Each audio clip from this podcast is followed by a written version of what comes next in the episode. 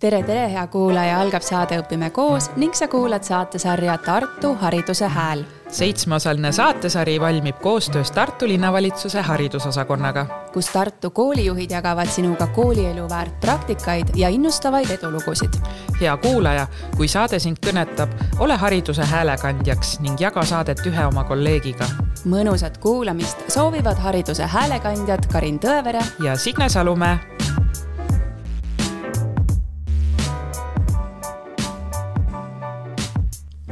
tere teile, head koolijuhid, kes te olete liitunud meiega tänases vestlusringis. et kuulajal oleks lihtsam hääled ja nimed kokku panna, palun teil end ise tutvustada ja palun võtke see aeg, et tutvustada ennast, teie rolli koolis, koolis, laiemale üldsusele oma kooli ja tuua välja ka oma kooli omapära. alustame sinust, Aliina minu nimi on Alina Brasileene, hariduselt ma olen füüsik, lõpetasin Tartu Ülikooli siis ähm, sain aru, et tahan olla õpetaja. lõpetasin veel kord Tartu Ülikooli, aga siis just pedagoogika eriala. Äh, see oli üheaastane kursus ja siis ma lõpetasin veel äh, ka Tallinna Ülikooli ja hariduse juhtimist. sain magistrikraadi tegelikult magistrikraad mul on ka füüsika õpetamises ka, kaks magistrikraadi siis töötan koolis terve, terve elu. et alustasin neljandast keskkoolis, mida ma lõpetasin ka omal ajal ja siis alustasin seal õpetajana, füüsikaõpetajana. ja siis aastal kaks tuhat neli minust sai direktor kas kohe juba Tartu Puškini kooli direktor? et, et, et tollel ajal see oli Tartu Aleksandr Puškini gümnaasium. Mm -hmm. ja, ja siis ühendati Puškini gümnaasium ja Slaavi gümnaasium ja mina juba alustasin tööd äh, siin majas, aga kooli nimeks oli pandud Tartu Vene Lütseum vot, et me elasime üle erinevaid asju, asju, et tõepoolest väga keerulised ajad olid, et see muudatused kogu aeg olid, et, et kooli, kahe kooli liitmine, siis äh, gümnaasiumi osa kaotamine. et nüüd me oleme põhikool, äh, Tartu Aleksandr Puškini kool. ja eriline nime, erilised õpilased tõepoolest, et me õpetame äh, õpilasi eesti keeles ehk sihtkeeles, see keel ei ole emakeel meie õpilastele. Ehm, suur osa õpilastes on Ukraina õpilased, sellest õppeaastast meil on umbes kakssada õpilast Ukrainast ja muidugi meil on ka erivajadustega õpilased ja kui võtta kõik kokku, nii ukrainlased, kui mõelda selle, noh, sellest teemast, mis eh, tänaseks on meie vestluses aktuaalne, eh, siis eh, ukrainlased on ka erivajadused, vajadustega õpilased, eks ole. absoluutselt. ja, ja, ja pluss meie omad, et peaaegu terve kool on erivajadustega õpilased mm. -hmm. vot, aga me saame, noh, tundub, et me saame hästi hakkama. selge saates saame kohe pikemalt küsida ja täpsemalt uurida ka mm., liigume edasi. tere, mina olen Siim Pärv ja mina töötan Tartu Herbert Masingu koolis kohe-kohe saab täis viisteist aastat erinevates rollides seal, vahepeal korraks käisin ära, aga, aga, aga mõttes olin kogu aeg, kogu aeg seal ikka olemas. ja noh, Masingu kool on ka erivajadustega laste kool, ma kohe räägin ka täpsemalt, mis, mis ja kuidas, aga Ehm, noh, mind piirabki see, et ega ma mujal koolis pole töötanud kunagi. küll tunde ja loenguid andnud, aga, aga, aga mitte midagi muud, et kunagi viisteist aastat tagasi läksin tööle mõneti juhusena sotsiaalpedagoogiks Masingu kooli ja siis kuidagi jäin sinna, ei saanud enam kuidagi minema. Ehm, vahepeal korra käisin ära, ehm, tulin tagasi arendusjuhiks ja siis nüüd viimasel ajal olen direktori kohuseid täitnud. ka juba paar aastat tegelikult aga Masingu kool on, viimasel ajal on teil tekkinud selline noh, kas just nali või, või ütlus, et, et on selline sotsiaalpedagoogilise kallakuga kool. et kui on igasuguseid kallakuga koole olnud läbi aegade Tartus ja mujalgi, et meil on sotsiaalpedagoogiline kallak, sest et ähm, kiputakse ütlema, et, et sinna kooli satuvad lapsed käitumise pärast kuidagi ja et kas nad käituvad liiga vähe või liiga palju tavaliselt või noh, midagi seal on kuidagi teistmoodi selle käitumise poolega. noh, käitumine on see, mis välja paistab, tegelikult on see põhjus kusagil mujal. suurem osa meie koolis õpilastest moodustavad autistlikud lapsed ja, ja sellise väiksema, umbes neljandiku, mis sellest üle jääb või nendest, on ka emotsionaalse traumakogemusega õpilased. noh, see on ka niisugune pikk ja keeruline teema, millele võiks mitu eraldi saadet ilmselt võtta, aga aga siis on veel terve hulk kõik, kõiksuguseid, ma ei tea, veel terve hulk õpilasi, kellel on siis mis iganes erinevad erivajadused. Ja, ja ja masinkooli eripäraks, mina ise arvan, ongi olla selline see kool, kus, kus ongi kõige, kõige põnevamad lapsed, sest et äh, tavakoolid, ka kaasav haridus järjest rohkem ja rohkem neid lapsi, kellega me töötasime viisteist aastat tagasi, noh, need ongi tavakoolides. ja, ja meie kooli jõuavad siis need, need lapsed, kes on kuidagi jälle põnevad ja uued ja teistmoodi. maailm muutub, lapsed muutuvad, õpetajad muutuvad, et niisugune äh, muutuste rikas kool, mulle tundub. tere minu nimi on Iiri Saar, mina olen Tartu Descartesi kooli sotsiaalpedagoog ja väikese osaga ka õppejuht. Mina töötan koolis, äh, kohe-kohe saab täis üksteist aastat. ja nagu Siim Värv juba eelnevalt mainis, siis äh, maailm on väga muutuv, õpetajad on muutuvad, õpilased on muutuvad ja see kool toonase nimega Tartu Descartesi Lütseum on kindlasti kõvasti muutunud selle küm-, kümme pluss aja jooksul, mil ma seal olen töötanud. hariduselt olengi õppinud sotsiaalpedagoogiks ja olen ka kultuurikorraldaja, nii et ma olen natukene hunt kriimsilm, teen paljusid asju. ka kooliväliselt puutun kokku palju ka teatriga. Ähm, ja teen ka koolis lastega teatrit, äh, nii et äh, mul on põnev ja kui me räägime toevajadusega õpilastest tavakoolis, siis äh, kui Aliina ütles, et te olete peaaegu eriliste laste kool täies mahus ja teie olete nimetatud eriliste laste kool, eks ole, Masingu kool, siis äh, meie tegime siin hiljuti hilissügisel väikese arvutuse, meil on äh, umbes nelikümmend protsenti tuge vajavaid õpilasi. aga me peame ennast ikka tavakooliks.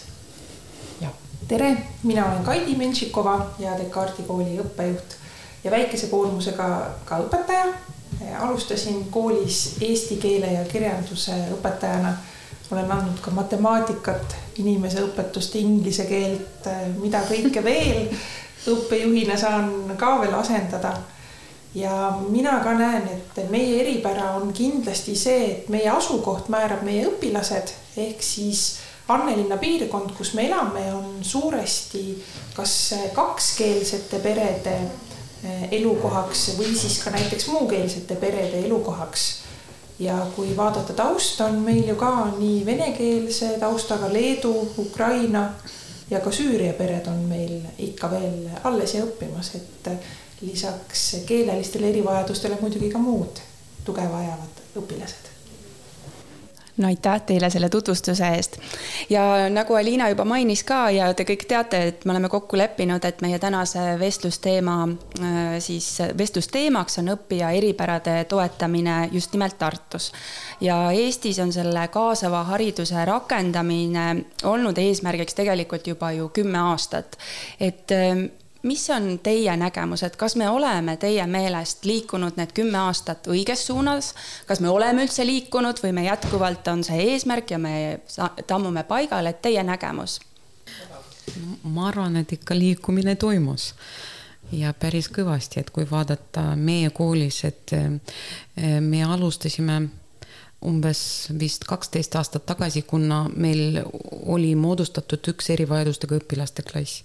Ja nüüd kõikides paralleelides meil on erivajadustega õpilaste klassid.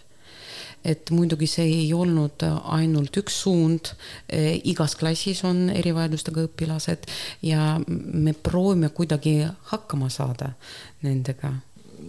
jah, no liikum-, ilma liikumata ega maailm jääks seisma liikumist on kindlasti olnud, kui nüüd kriitilisemat nooti visata, siis on küsimus, kui sihipärane see liikumine, kui me Eesti vaates vaatame, on olnud või on see lihtsalt olnud äh, poliitika suund ja juhuslikud liikumised. ma arvan, et, et mõlemat poolt on seal kindlasti olemas. noh, minu jaoks on tegelikult kõige suurem küsimus, mida me üldse mõiste kaasav haridus all mõtleme ja paljud inimesed mõtlevadki natuke erinevalt. alates sellest, et ähm, see termin eesti keelde tõlgituna kui kaasav haridus, noh, on minu arust kahtlase väärtusega, kui me inglisekeelset originaali või, või sealt, kust ta tuleb, eesti keelde vaatame. aga mm, see, et äh, kui seda vaadates ka kõige laiemal moel, et lapsed on haridusse kaasatud või äh, käivad koolis, siis on kindlasti siin kahekümne viie, kolmekümne aasta taguse ajaga on, on kindlasti edasiminekuid mm -hmm. ja väga selgeid, et see, et, et lapsed on koolis ja on, on haridussüsteemi vaateväljas ja palju vähem langevad välja, see on kindlasti üks asi, mis on, mis on juhtunud ja mis toimub iga, igapäevaselt. ja no kui ma vaatan erikooli vaatevinklist, siis nagu ma ennem ütlesin ka, et õpilaste käitumise keerukus on, mis on ajas kindlasti muutunud, noh, nagu tänu sellele samale muutuvale maailmale et seda näen ma küll, et tavakool ähm, ja tavakoolis õpetajad järjest rohkem ja rohkem tulevad nende olukordadega toime, võib-olla on sunnitult, ähm, ma ju ei tea, mina seda igapäevaelu ei näe. Äh, see ei ole kindlasti lihtne, äh, ma arvan, et sageli erikoolis on oluliselt lihtsam töötada. aga, aga, aga ka mingite mõttemallide, hoiakute seisukohalt, noh, ma arvan küll, et neid muutusi on, on omajagu ma mõtlen praegu ka, et mis tähendab see õp-, kaasav haridus, mis tähendab, et õpilased on kaasatud. et no minu jaoks, et see ei ole ainult see, et nad lähe-, nad on koolis, aga ikkagi nad arenevad ja näiteks, et praegu me näeme, et mõnikord no väga tihti lapsevanem ei tunnista seda, et laps vajab tuge ei nõustu, et õpetaja märkab, et probleeme on, räägib sellest, aga äh, vanem ei saa vastu võtta selle informatsiooni.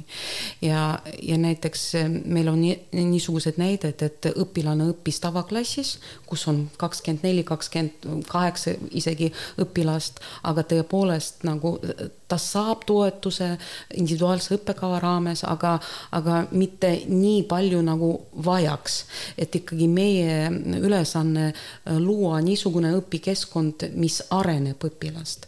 ja, ja siis, kui see õpilane tuleb väikese klassi, kus ta tegelikult peaks õppima juba varem, me näeme, et see tase, et nendel õpilastel, kes juba õppisid väikeses klassis, nende eh, oskuste ja teadmiste tase on palju kõrgem ja, ja isegi noh, kui me räägime sellest, kuidas õpilased käituvad, kuidas nad oska, oskavad käituda, kontrollida end, siis me näeme, et see vahe on päris suur no Iiri, sa ennem ütlesid, et te olete tavakool, nelikümmend protsenti vajab äh, tuge, et äh, mil, millega kool on siis rinda pistnud, et mis on muutunud Eesti koolis täna?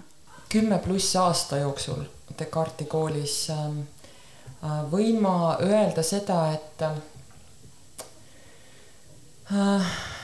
olukord on muutunud keerukamaks äh, kindlasti kõigi aineõpetajate jaoks. meie majja on tulnud küll äh, küllaltki palju tugipersonali juurde, on õpetajaid, kes õpetavad väikeklassides ja ainult väikeklassidele, on õpetajaid, kes õpetavad üks-ühele mõningaid õpilasi. õpetajaskond on ka kirjumaks muutunud, eks.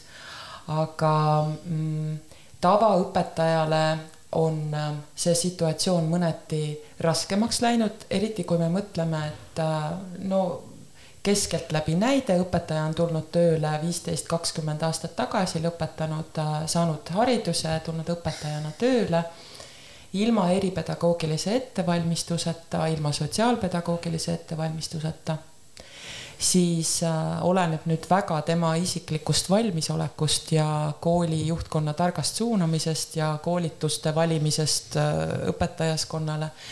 kuidas me seda õpetajat saame toetada kuidas ta tänases koolis toime tuleb, ta on pidanud väga palju juurde õppima, ma olen nõus sellega, et õpetaja ei saa valmis saada, lõpetades äh, kõrgkooli.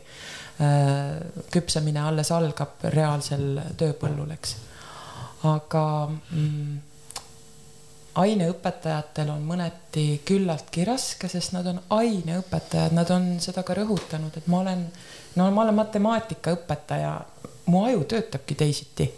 et noh, et tal on raske integreerida äh, erivajadusega lapse erisustele lähenemist oma aineõpetusse, sest äh, ta on väga oma aines näiteks kinni, noh, et, et sellised raskused võivad tekkida ma ei tea, Kaidi, on sul äkki mõni näide veel lisada siia? ma hakkasin mõtlema sellele, et kaasavas hariduses me mõtleme laste kaasamisele, aga kaasavast haridusest jäi välja õpetajate kaasamine ja lastevanemate kaasamine. ehk siis lastevanemate toetamine, õpetamine, koolitamine ja õpetajate toetamine, koolitamine on ju jäänud ära. me toetame lapsi ja õpetaja üritab toetada ka lapsevanemat ja samas ennast ja oma kolleegi, et, koormus on selle võrra päris keeruliseks ja suureks läinud, et me saame hakkama, nagu Siim ütles, aga, aga tavakoolis on tõesti raskem selle, selle kõigega toime tulla.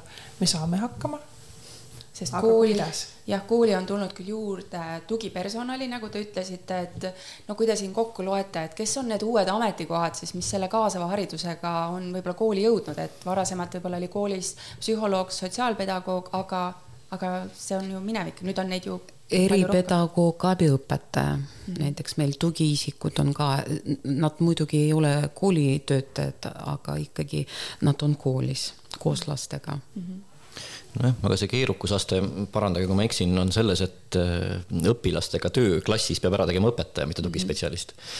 ja, ja noh, neid lähenemisi muidugi on erinevaid, saab olla nii, et äh, õpilane suunatakse, saadetakse kusagile tugispetsialisti poole, no minu uksest küll aeg-ajalt lendas neid päris palju sisse, et nüüd jälle tee nüüd korda, kui ma sotsiaalpedagoogina töötasin, noh, direktorina samamoodi. aga, aga noh, see ju noh, mina võin muidugi teha väga ilusaid ja imelik, imelisi asju, aga kui, laps läheb tagasi klassi õpetaja juurde, siis on noh, õpetajal on olukord jällegi sama. et tugispetsialistide hulk ja, ja see, et neid on rohkem, see on, on kahtlemata väga tähtis.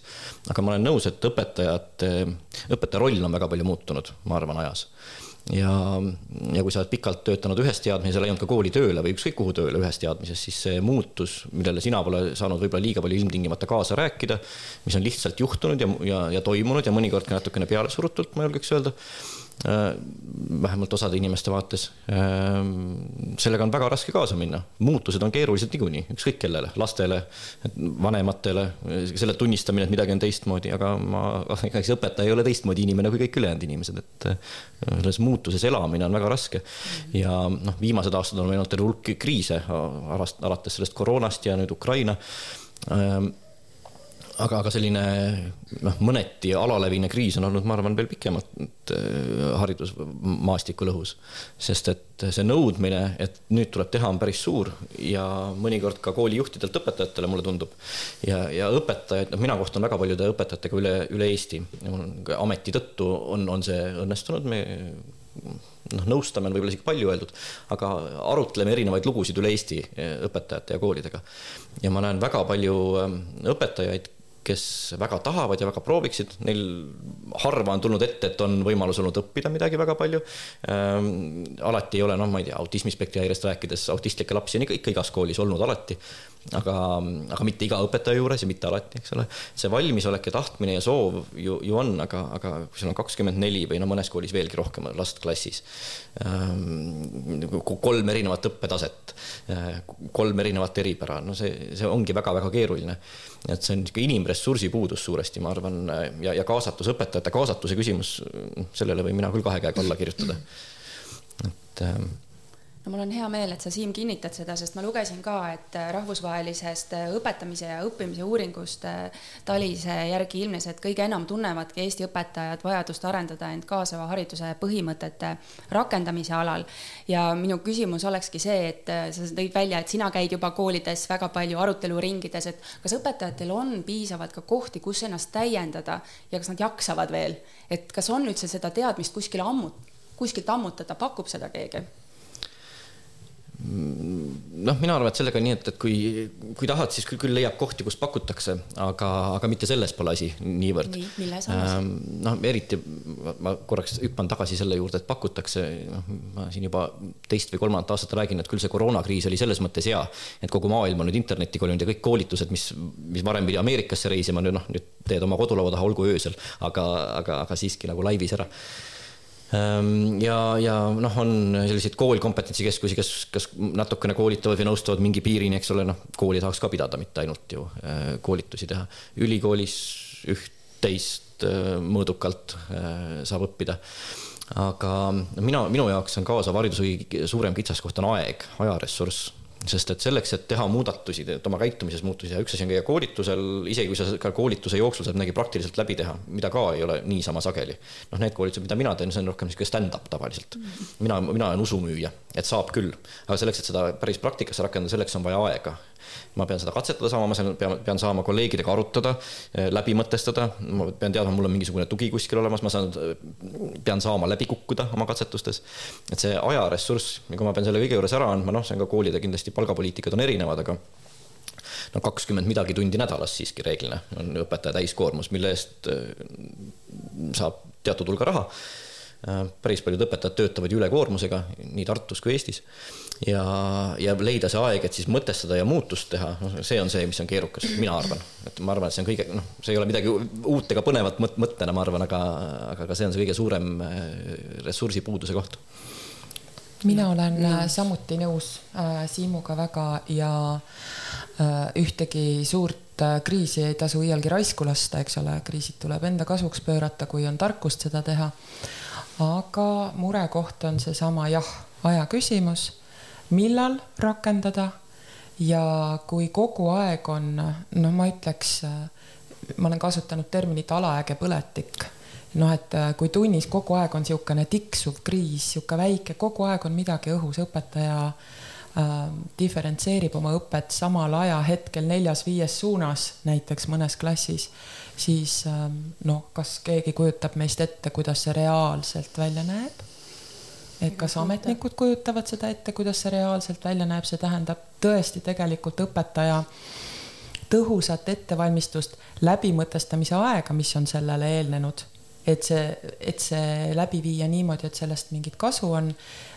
et kõigile, kellel on erivajadused, me räägime diapasoonist ikkagi HEV pluss kuni HEV miinus ja sinna vahele välja, sinna vahele siis tavalapsed, keda on äh, enamus hulk klassis tavapäraselt et kõik saaksid õpetaja tähelepanu, siis äh, selle võrrandi väljatöötamine on äh, minu arvamuse kohaselt äh, praktiliselt võimatu.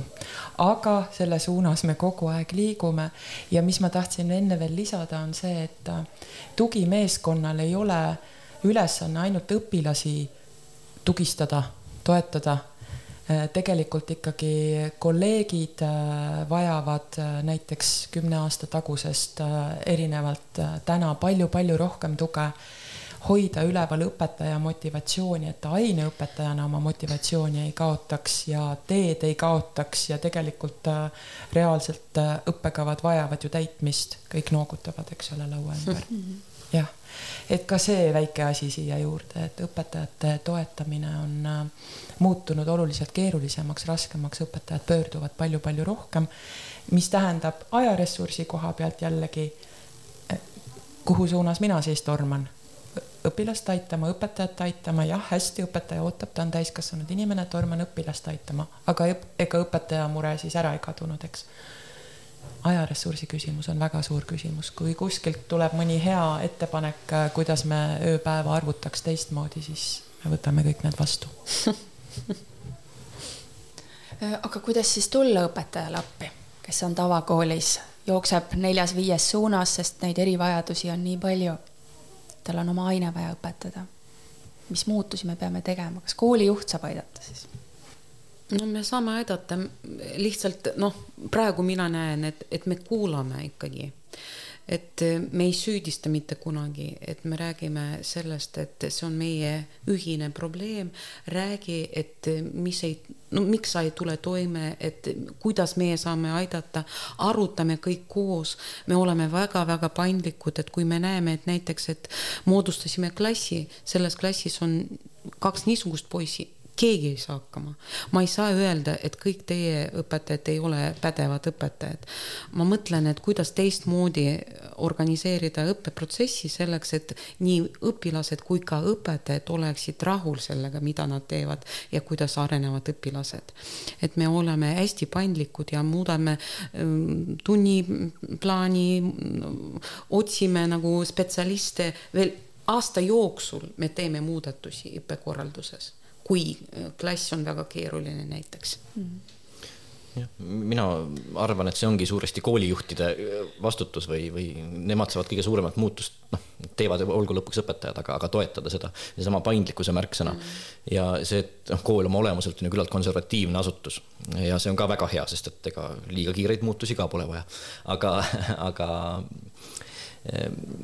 õppekorralduse mingisugust paindlikkust ja neid samu muutusi, mida Liina just siin rääkis, et, et täpselt läbi selle seda kõike teha saabki, ma arvan, et õpetaja peab tundma ennast toetatuna, ma alati kõikide õpetajateni kindlasti ju ka ei jõua kahjuks, aga aga, aga see teadmine, et saab küll teistmoodi, et see on niisuguse nii koolijuhi kui tegelikult ka õpetaja, noh, ka tugispetsialistide vaatenurgast väga tähtis, ma arvan, et tugispetsialistidel on see kõige lihtsam tulema, nemad ongi kuidagi kohe nagu seda õppinud või selles ehm, meelelaadis üles kasvanud oma haridusteel aga õpetajatega samamoodi see, ma arvan, et see, see koht, et, et miks, miks ma oma tööd teen ja mis on minu eesmärk õpetajana.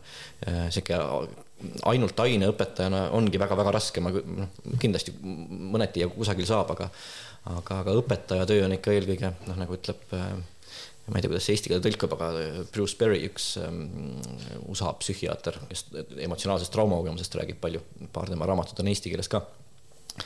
tema ütleb, et et äh, õpetaja põhitööülesanne on, to regulate, reguleerida, luua seda keskkonda selleks, et, äh, et õpilane saaks õppida.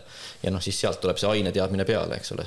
et ühtepidi ei saa õpetada üheksanda klassi matemaatikat ilma, et ma oleksin väga hea matemaatik, aga teistpidi ei saa seda ka ilma, et ma oleksin väga hea õpetaja, et see peab sinna kahele poole kokku tulema ja ma arvan, et on saanud päris pikalt, kui ma mõtlen ka oma kooliaja peale niimoodi, et oled lihtsalt ainespetsialist, kui sul on motiveeritud lapsed ja kuidagi noh, ma ei tea, võib-olla ühiskond oli ka natuke teistmoodi või selgemas raamis.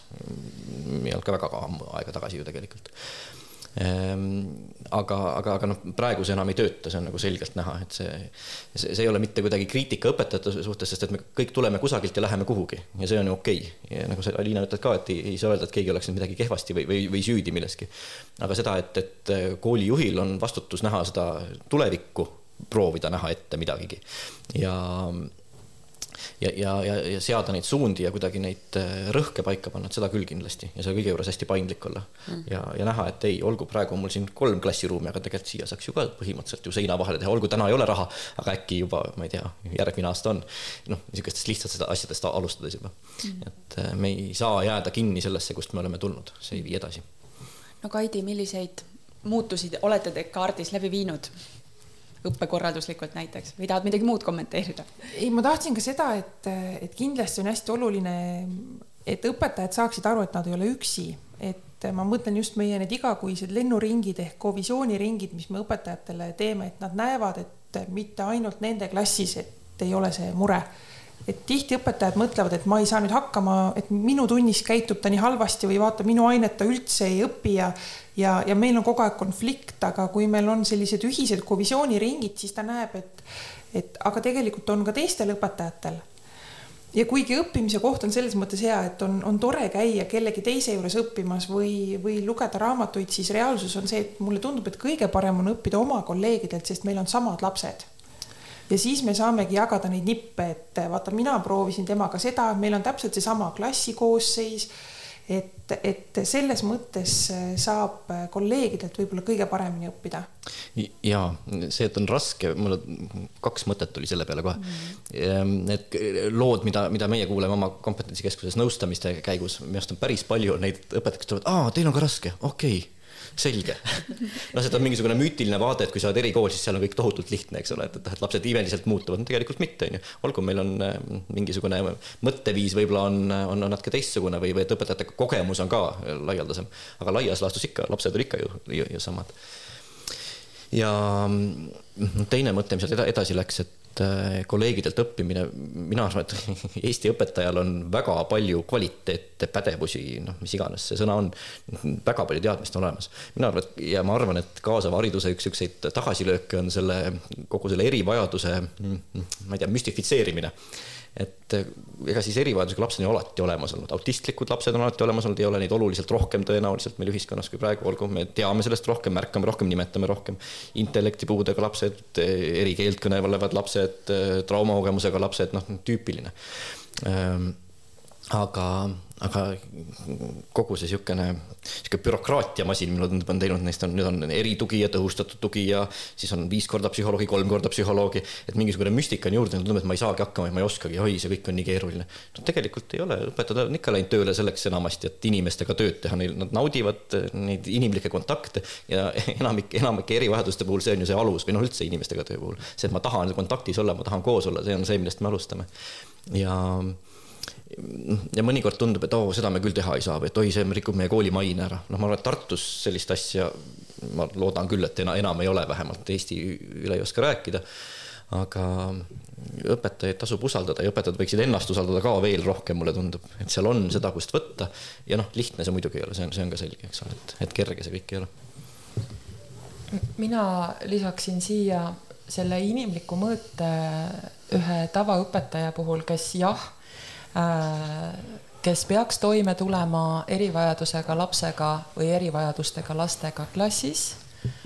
Ähm, õpetaja on väsinud, sest ajutisust on väga palju, Covid tõi seda veel eriti jõuliselt välja, et miski on kogu aeg ajutine, midagi kindlat nagu enam ei olegi, noh, see on see inimliku mõõte osa, et et inimesed tahavad, et midagi püsib, miski on paigas ja ma tean, kuidas ma sellega toime tulen et, äh, et see Covidi aeg, nüüd Covidi kahjustusega lapsed, me võime niimoodi ilmselt öelda, äh, kes kaks aastat peaaegu ju ei saanudki koolis käia, sealhulgas kõik äh, kaasava hariduse sihtgrupp ja erivajadustega lapsed, kes ei saanud samuti õppida või siis mingil, mingil moel nad said, osasid kutsusime kooli, keda sai kutsuda ja piirangud ju ka lõdvenesid ja, ja kuidas see teine sõna on, rangenesid läksid karmimaks ja läksid leebemaks. Ähm, õpetaja paindlikkus on ähm, selline mm, ma katsun Siimule mm -hmm. kuidagi, ma ei taha sulle vastanduda, aga just see, et, et kas või võib-olla see on niisugune arutelu koht üldse, et kas paindlikkus jõuab Eesti kooli siis, kui vahetub mingi põlvkond õpetajaid, ma ei oska seda öelda, sest või, või on see inimestes jällegi kinni, et, et noh, mõnel inimesel on väga selge mõte ja ettekujutus, kuidas tema oma ametit peab.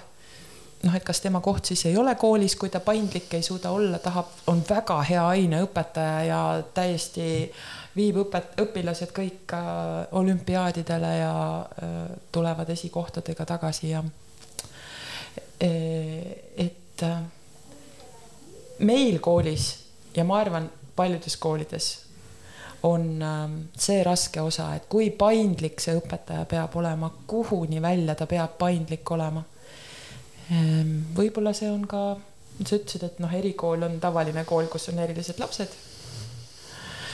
Et äh, äkki ikka see on see natukene vahe, et teil on see valmidus paindlikkuseks on suurem, sest õpetaja teab, millises koolis ta õpetab. noh, see valik on olnud teadlikum mm, -hmm. olla paindlikum. just just. ta teab, kuhu ta satub, teab, mis teda ees ootab rohkem. tavakoolis just need noh, kõik õpetajad, kes on tulnud sealt mingist, nagu ma enne mainisin, viisteist, kakskümmend aastat tagasi, võib-olla pikemat aega juba õpetajad olnud, siis kui inimesena on valmidus paindlikkuseks olemas, siis me saame teha temaga koostööd. ja nii ongi mm nojah, no kindlasti see, eks ole, ei ole, ei ole ainult mingi vanuse või põlvkonna küsimus, et, et on ju igas, igas põlvkonnas iga, igasuguseid õpetajaid. nii häid kui halbu näiteid, ma arvan. aga jaa, see ajutisus või noh, me kasutame oma koolis, meil see käibesõna on etteaimatavus. ükskõik, mis, millest me räägime, me räägime etteaimatavusest ja see on õp-, õpilaste jaoks väga tähtis, aga õpetajate jaoks samamoodi, jah, noh, on see, mis sõna me kasutame, aga ma sellele mõttele kirjutan küll alla et ma pean teadma, mis hakkab saama. Eh, igasugust mäsu ja kriisi ja jama on võimalik eh, päris pikalt kannatada, kui ma tean, et see lõpeb ära mingil hetkel või et siis või et järgmine samm tuleb ka peale ja mis see siis on. Mm, noh, autistlike lastega igapäevaselt töötades samamoodi, et igasugused õudused aktused võib üle, üle elada, kui sa tead, et see lõpeb ära. ja see lõpeb ära siis ja ma tean, ma saan kella pealt vaadata, kuidas see kõik tiksub, eks ole. ja noh, see on niisugune ekstreemsem näide, aga ma arvan, et inimlikult me kõik tahame teada, meil on vaja, vaja seda kindlust, isegi kui me oleme tohutult paindlikud ja siuksed innovatiivsed ja ägedad ja ma ei tea, mis kõik veel. aga me tahame teada enamasti inimestena, et kusagil on mingid piirid, mingid asjad ja noh, seal tuleb midagi vastu, eks ole. rohkem siis ma ei pea või et vastupidi, siis ma saan veel midagi, mis mulle meeldib no Aliina, teil on seda ettemääramatust ka hästi palju just äh, ukrainlaste näol, et äh, nemad ei tea, mis saab nende kodumaast, nad ei tea seda, mis saab nende eludest, et kuidas see õpilastesse nagu kandub, et mis on motivatsioon ja kas õpetajad on ka siis äraootaval seisukohal või on neil õpetajatel vähemalt fookus paigas? teate, et ma mõtlen sellest, et need pered, kes ähm, räägivad, et me soovime jääda Eestisse et nendel õpilastel läheb kõik hästi, sest nad on tõepoolest motiveeritud saada haridust, õppida keelt selgeks e, ja saada meie hariduse, eks ole, saada meie tunnistuse põhikooli lõpetamisel. aga need lapsed, kes ühelt poolt nad on siin teiselt poolt nad kogu aeg mõtlevad, et võimalikult ruttu tagasi koju ja siis nad paralleelselt õpivad veel Ukraina koolis, koormus on suur, motivatsiooni õppida meie õppekava järgi nagu ei ole. teiselt poolt me nõuame, et ikkagi on vaja õppida, kes teab, kui kaua nad on siin ja kes teab, mis selle aja jooksul muutub, võib-olla praegu nad arvavad, et nad lähevad tagasi, aga tegelikult kahe või kolme aasta pärast otsustavad, et me jääme siin Eestisse ja mida nad teevad, kui nad ei oska keelt, et neil ei ole saadud eh, meie tasemel hariduse ja nii edasi et selles mõttes me tunneme, et me vastutame selle eest ja, ja seoses sellega on neid noh, natukene pinget. aga ma ütleksin, et äh, suurem osa ikkagi väga kenasti äh, saavad hakkama. Ja ja, ja kogu aeg mõtlesin paralleelselt sellega, et siin kõlab see mõte, et äh, aineõpetaja, aine, aineõpetaja, aga meil õpetajad õpetavad sihtkeeles. Ja meie kõik õpetajad, mitte ainult aineõpetajad, aga pluss ka keeleõpetajad ja see on tõepoolest nagu hoiakute muutmine, see oli küll raske protsess, et sellepärast, et ähm, me räägime, mis on LAK-õpe, lõimitud aine ja keeleõpe ehk tähtis nii aine kui ka keel ja tegelikult tähtsad ka õpioskused, mis on ka väga tähtis ka erivajadustega õpilaste puhul ja kui meie seame eesmärke, siis me seame kolm eesmärki, et esialgu ainealased, siis keelelised ja siis kuidas arendame õpioskused ja missugused õpioskused me arendame ja tegelikult see lakkõppe sümboliks on äh, võrk, võrdkülgne kolmnurk, see tähendab, et äh, miski sellest ei ole nagu äh, rohkem väärtuslik või, või vähem väärtuslik. nii aine kui ka keel kui ka õpioskused, nad on sama tähtsad. Ja kui me ei arvesta sellega, siis õppetöö ei toimi et selles mõttes, et meil on noh, nagu see ka väljakutse, tegelikult spetsialistid erivajadustega õpilastele soovitavad õppida emakeeles aga me teame, et ka need erivajadustega õpilased eh, peavad valdama eesti keelt, nad peavad hakkama saada Eesti ühiskonnas ja me peame osaliselt õpetada neid ka eesti keeles ja, ja see on küll väga-väga suur väljakutse meie jaoks, sest õpetajad räägivad, et tõepoolest, et siis ähm, õpilased kaotavad fookuse, kui nad kõlab ainult äh, eesti keel.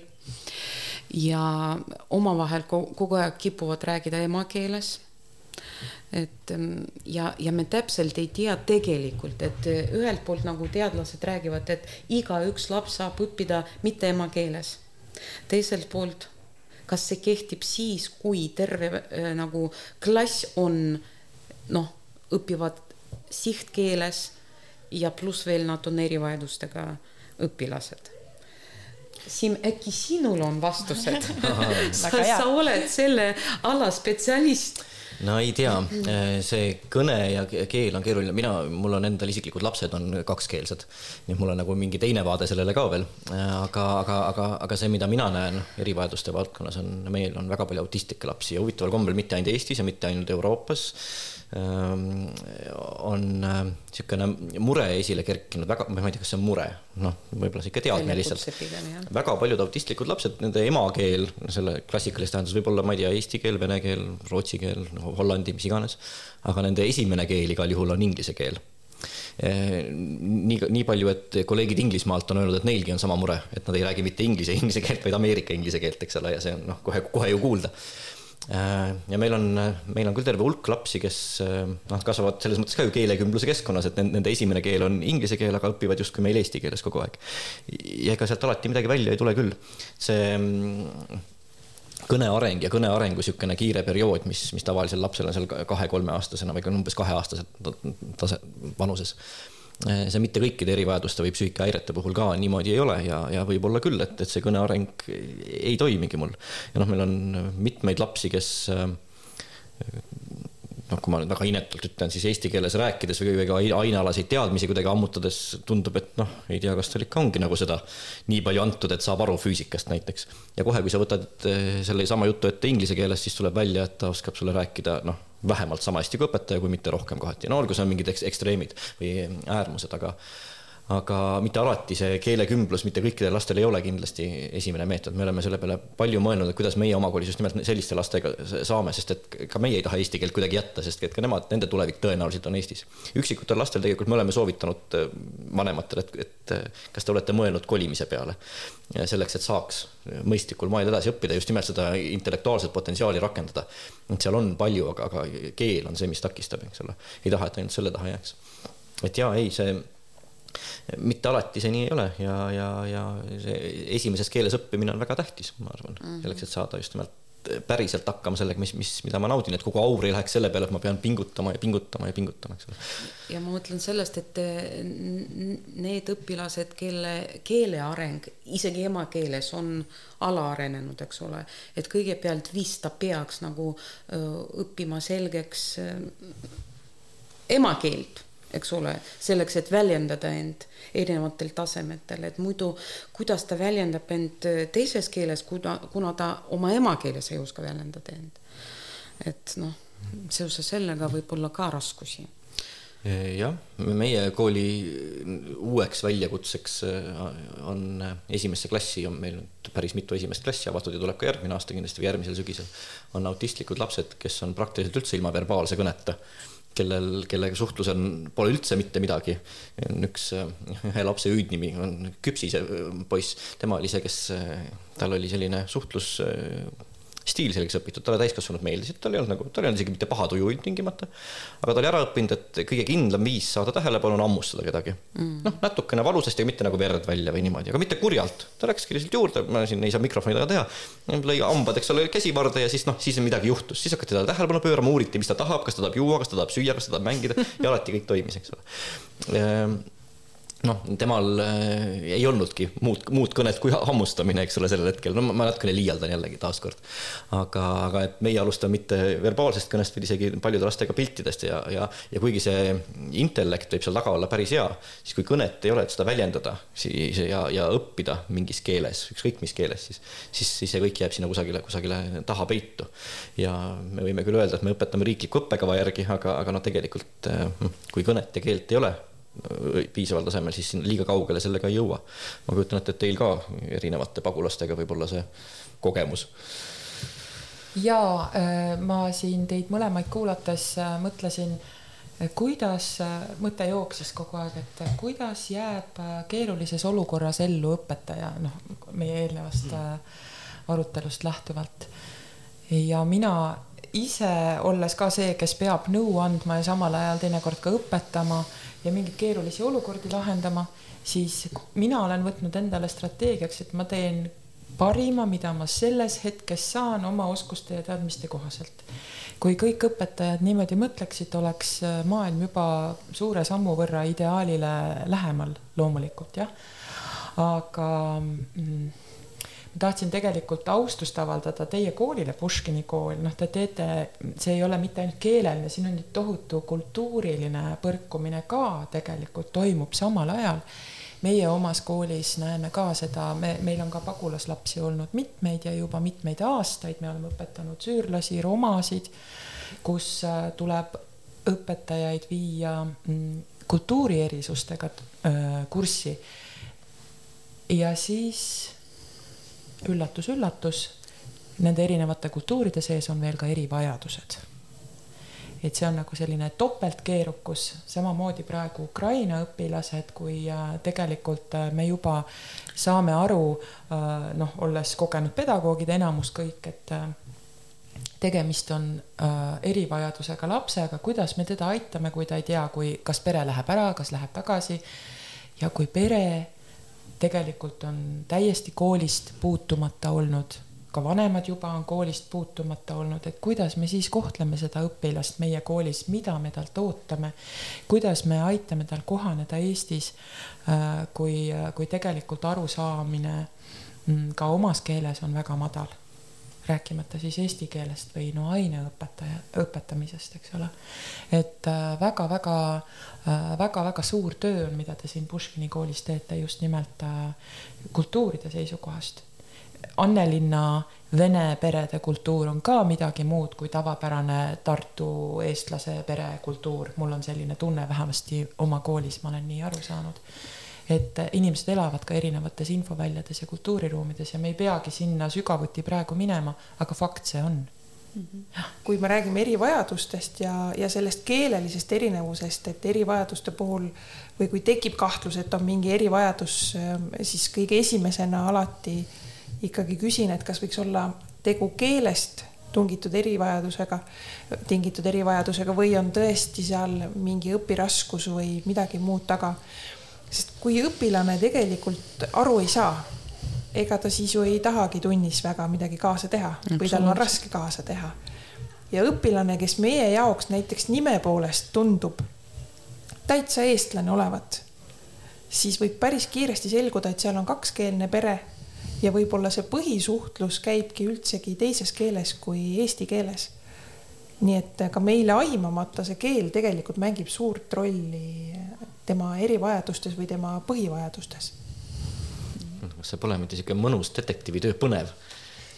et, et saab ikka mõelda ja, ja, ja, ja mõtiskleda.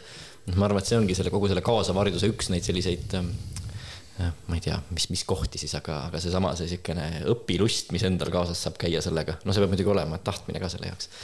ja, ja jaksu ka, mitte ainult tahtmist, ma arvan, et tahtmist on rohkem kui jaksu teinekord aga et oo, mis siis siin on, mis selle taga on, no see võtab ka aega, eks ole, see vajab niisugust mõtlemist ja kui sa lähed tunnist tundi, sul on, ma ei tea, neli, viis, kuus võib-olla tundi päevas. noh, kus sa siis võtad selle aja, on ju, ei jõua vetsuski käia vahepeal. aga, aga kui on seda aega, siis minu arust on see on nii äge. saadki mõelda, kuidas see asi töötab, oota, ma näen, et see mõte ikka ei tööta nii nagu üks keskmine mõte et mis ta siis tegelikult mõtleb, mis ta tegelikult öelda tahab, noh, igasugune käitumine on ju kommunikatsiooniakt alati. ka õppimine ja mitteõppimine on kommunikatsiooniakt ja halvasti käitumine ja hästi käitumine, mida iganes need tähendavad, on kommunikatsiooniaktid. et mis ta siis mulle öelda tahab. et kui on, oleks ainult aega seda mõelda, et see oleks, vot siis oleks ikka lust ja lillepidu töötada koolis, ma arvan aga üle Eesti ringi liikudes, kui ma räägin, et ma olen Tartust ja kui teemaks tuleb kaasav haridus, siis ikka õpetajad on, noh jah, mis teil viga seal Tartus, eks ju, et, et kas tartlased on siis õnnesärgis sündinud või on see särk selga õmmeldud, et jagage neid häid näiteid oma koolist, mis on need sisulised muutused, mida, mille pärast siis tartlasi võib-olla kadestatakse? või mis toimib, mis aitaks teisi? ma arvan, et kadestatakse mitmete asjade pärast. Tartu koolivõrk Ähm, on, on selles mõttes küllalt hoitud just juhtide tasandil ja, ja tegelikult ka ainesektsioonide ja kõige muu kaudu, et Tartu on niisugune hea suurusega linn, et on piisavalt palju, et oleks nagu tuge ja on piisavalt vähe, et jõuaks seda tuge siis pakkuda ja, ja olla ka. et äh, see on üks pool, äh, ennem kui näidete juurde minna ja, ja, ja, ja teine pool ka veel ennem näiteid on kindlasti see, et mida üks äh, äh ministeeriumist keegi kunagi nii ilusasti elegantselt sõnastas, et eh, kas, kas me mitte ei arva, et Tartus on äkki liiga rikkalik erikoolide võrgustik. Eh, noh, mis võib-olla nii ja naa, on ju, aga eh, ma ei tea, kas kaasava hariduse seisukohalt see on ilmtingimata eelis, et mõnikord tuleb neid lahendusi, kui surve on lahendusi leida suurem, siis, siis neid leitakse ka. noh, mille, mis hinnaga, vot see on juba omaette küsimus. aga kui mul juba jutt pooleli jäi, noh, erikoolina kaasavast haridusest rääkides ja mis siis töötab või toimib.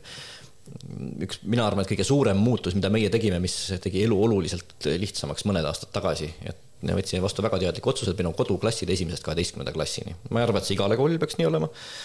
aga meie kooli kontekstis ma polnud selle peale tulnud lihtsalt varem, et võiks nii ka teha.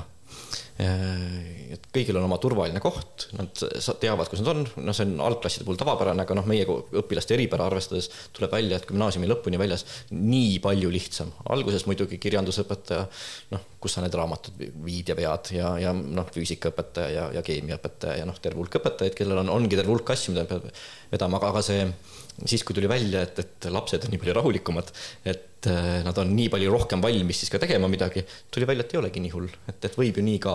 aga muutus on ikka raske ja keeruline, eks ole. noh, ikka, ikka võib-olla väga lihtne, lihtne või väike näide sellest, et äh, mõnikord ei tule selle pealegi, et midagi teha. aga siis, kui tekib hetk ja inspiratsioon ja natukene vead ellu ka, tuleb välja, et vot, muutus võib päris suur olla. Aliina jäi mõttesse nüüd sügavalt, mõtleb ja ma mõtlen sügavalt sellest, et ma ise tegelikult olen äh, multikultuursest perest rahvuselt olen poolakas, minu äh, emakeel on poola keel. kui mina alustasin oma haridusteed, siis mina rääkisin poola keeles ja keegi minust ei saanud aru. siis ma sattusin vene õppekeelega kooli, õppisin vene keeles. no vot ja siis õppisin ülikoolis ka veel vene keeles aga abikaasa on leedukas. Ja minu lapsed räägivad vene, leedu, poola, eesti muidugi ja inglise keelt. Et noh, see keeletase ei ole muidugi võrdne, et no eesti keel on kõrgtasemel, vene keel nagu emakeelena, aga inglise keel on ka päris hea ja selles mõttes väga huvitav. Mm. -hmm et, et see tunne, kui sa oled ähm, mitte oma emakeelses keskkonnas. ja, ja mi, mina vanematega kogu aeg rääkisin poola keelt kodus mm. -hmm. ja, ja tavad on hoopis teistsugused alati olnud. ja, ja minu jaoks oligi see, et see on nagu, nagu töökoht kus vot niisugused tavad, aga kodus on teistmoodi ja see on nagu südamelähedane. No sul on see isiklik kogemus ja sa ilmselt tead siis seda ka, kuivõrd keeruline on sellel lapsel, kes mängib kodus ühte rolli ja koolis mängib teist rolli, et noh, justkui nagu lõhestunud inimene võib ju olla seal vahel, eks ju, et et, et mis need muutused on see, mis te olete kooli toonud, mis on toonud võib-olla sellise positiivse äh, muutuse, et on paremuse poole läinud? ma arvan, et võib-olla see on see, et õpetaja on eeskujuks et meil on kokku, kokkulepe õpetajatega, et me omavahel räägime eesti keelt näiteks. vaatamata sellele, et me ei ole eestlased et me oleme väga erinevad, kes on poolakas, kes on ukrainlane, kes on, ma ei tea, leedukas ja, ja nii edasi. aga me räägime koolis omavahel eesti keelt selleks, et olla eh, eeskuju õpilaste jaoks et see on vist suurem muutus, mis oli viimasel aastal nagu tehtud. Ja me peame lugu teistes keeltes ka, et näiteks kui me teeme mingi noh, infostendi kujundame või äh, isegi kui me soovime õnnitleda, siis me kirjutame erinevates keeltes, peaaegu kõikides keeltes, mis on koolis esindatud et te hoiate juuri, aga näitate eeskuju sellega mm., et teie see suhtluskultuur ja keel ja. on siin eesti keel. kuidas Descartes on, mis on teie head näiteid? Teid on siin kaks pead, tuleb kohe mitu näidet äkki? ma mõtlen, et, ähm, et üks hea näide, et väikeklassi on järjest rohkem, aga et väikeklass ei ole ka lukus. et kui on näha, et õpilasel on arengus edasiminek, siis on tal alati võimalus liikuda väikeklassist suurde klassi kas osaliselt või täies mahus. Eh, samamoodi suurest klassist, kas osaliselt või täies mahus tagasi liikuda või vahepeal käia väikeklassi tundides, et saada tuge ja siis suures klassis jätkata. see on palju lihtsamaks teinud minu arvates ka selle, et lapsevanemad tulevad lihtsamalt kaasa ehk nõusolekut väikeklassi liigutamiseks ka kooli tasandil, kooli ettepanekul on lihtsam teha. et ähm, see muidu on ju raske. aga, aga mulle endale tundub, et see tuleb lihtsamalt, kui ma mõtlen ka oma õpilaste peale, keda ma olen eh, suunanud, et matemaatikat näiteks õppida väikeklassis, et me saaksime toetada ja et me saaksime sind edukalt eksamilt ka edasi viia, sest et nemad tahavad ka kooli lõpetada ja nemad tahavad edasi õppima minna. ja kui me saame seda teha nende endi võimaluste piires ja niimoodi, et nad ka ikkagi natuke pingutavad, siis see on ju kõige parem, et nende jaoks ei jää kool pooleli, sest et nad on õppinud eritingimustel ja nüüd enam ongi kõik, põhikool on läbi ja nende võimalused on läbi. et me seda ei teeks. Tartu linnas on õnnelik elada sellepärast, et meil on ähm, erikoolide juures kompetentsikeskused ja see on tegelikult ähm, väga suureks abiks äh, juhul, kui näiteks hiljutised näited äh, Masingu kooliga, no ei ole võimalik õpila, õpilasel õppida Masingu koolis, sest äh, noh, kusagil on mingid limiidid ja mingid piirid, eks ole, klasside täituvused ja nii edasi, nii edasi. aga kui me saame erikoolist spetsialistide poolt nõu ja toetan jällegi, Siim, sinu seda mõtet, et ohoo, ma ju tegelikult teadsin seda aga mul on väga hea, kui kolleeg teisest koolist, kes igapäevaselt kokku puutub, äh, suunab minu mõtte ka mingisse kohta, kus, äh, kus ma saan seda ära rakendada äh, või seda rakendada siis mm, tavakoolis. võib-olla mul on vaja veenmist natukene rohkem, võib-olla mul on vaja kohandusi teha natukene rohkem, aga see teoreetiliselt on võimalik, ma pean võib-olla selgitustööd tegema rohkem. aga see on võimalik Äh, nüüd me katsetamegi siin mõningaid asju, mis te meile just hiljuti soovitasite. no näiteks meil on käitumisraskusega õpilasi kaks tükki viiendas klassis, neljandas klassis, kes armastavad hirmsasti seda, et äh, kogu, mõlemad õpivad väikeklassis ka juba, et midagi on juba rakendatud nagunii, aga kui, kui nendel on äh, vajadus tähelepanu järele Äh, ja suur jonnistseen korraldada nii, et ka ülejäänud väikeklassi õpilased, kes nagunii häiruvad kergemini kui tavaklassi õpilased, et väikeklass ei saa ka õppida, sellepärast et ühel on tarvidus äh, oma emotsiooni väljendada selles ajahetkes just, siis me ka võtsime kasutusele süsteemi, et on kokku lepitud õpetajal, kellele ta helistab. täiskasvanu läheb selle tunni, no ütleme siis tinglikult tunni segaja juurde ja ülejäänud klass liigub äh, õpetajaga siis mujale, et jätkata õppetööd. Ja pluss seisneb selles, et äh, see, kellel oli tähelepanu vajadus, et saada kinnitust, et see toimib alati nii, et kui mina ikka tõmban teema ülesse, siis ikka on teema niimoodi üles tõmmatud ja siis mitte keegi ei saa siin kunagi õppida siis tegelikult äh, jääb tal see tähelepanu saamata, publik läheb minema ja ja tegelikult äh, toimub see nii-öelda käitumisravina pikas perspektiivis, see võtab aega. Aga ta mõistab, et, et taoline äh, käivitamine noh, ei käivita siin mm. kedagi, kõik toimub rahulikult, emotsioonita. Äh, ja me saame tööle nii selle õpilase, kes, kellel oli draama, ta saab täiskasvanuga turvaliselt vestelda oma emotsioonist ja me saame temaga ka mõningast õppetööd teha ja need õpilased, kes oleks väga ära häirunud, lähevad teise ruumi ja teevad ikkagi oma õppetööd edasi.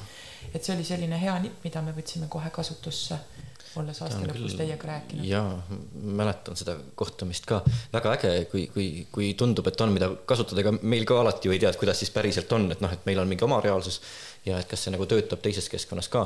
aga ma arvan, et mille pinnalt see töötab, on see, et ega, ega siis meie ju ka nüüd ei ole sündinud mingisuguse teadmisega, vaid äh, me kolistame ka muudkui mööda ämbreid, aga lihtsalt meil on neid ämbreid nii palju rohkem ühes kohas koos. et me saame nad ära kolistada ja siis on mingid asjad, mis destilleeruvad sealt välja, mõni asi hakkab meil väga hästi tööle, siis me saame öelda, et näed, kuule, kas olete mõelnud. ja see ei ole ju mingisugune noh mõte on ju mõneti väga lihtne. see ei ole raketiteadus, see on teostatav, aga see võtab aega. isegi raketid on teostatavad muidugi.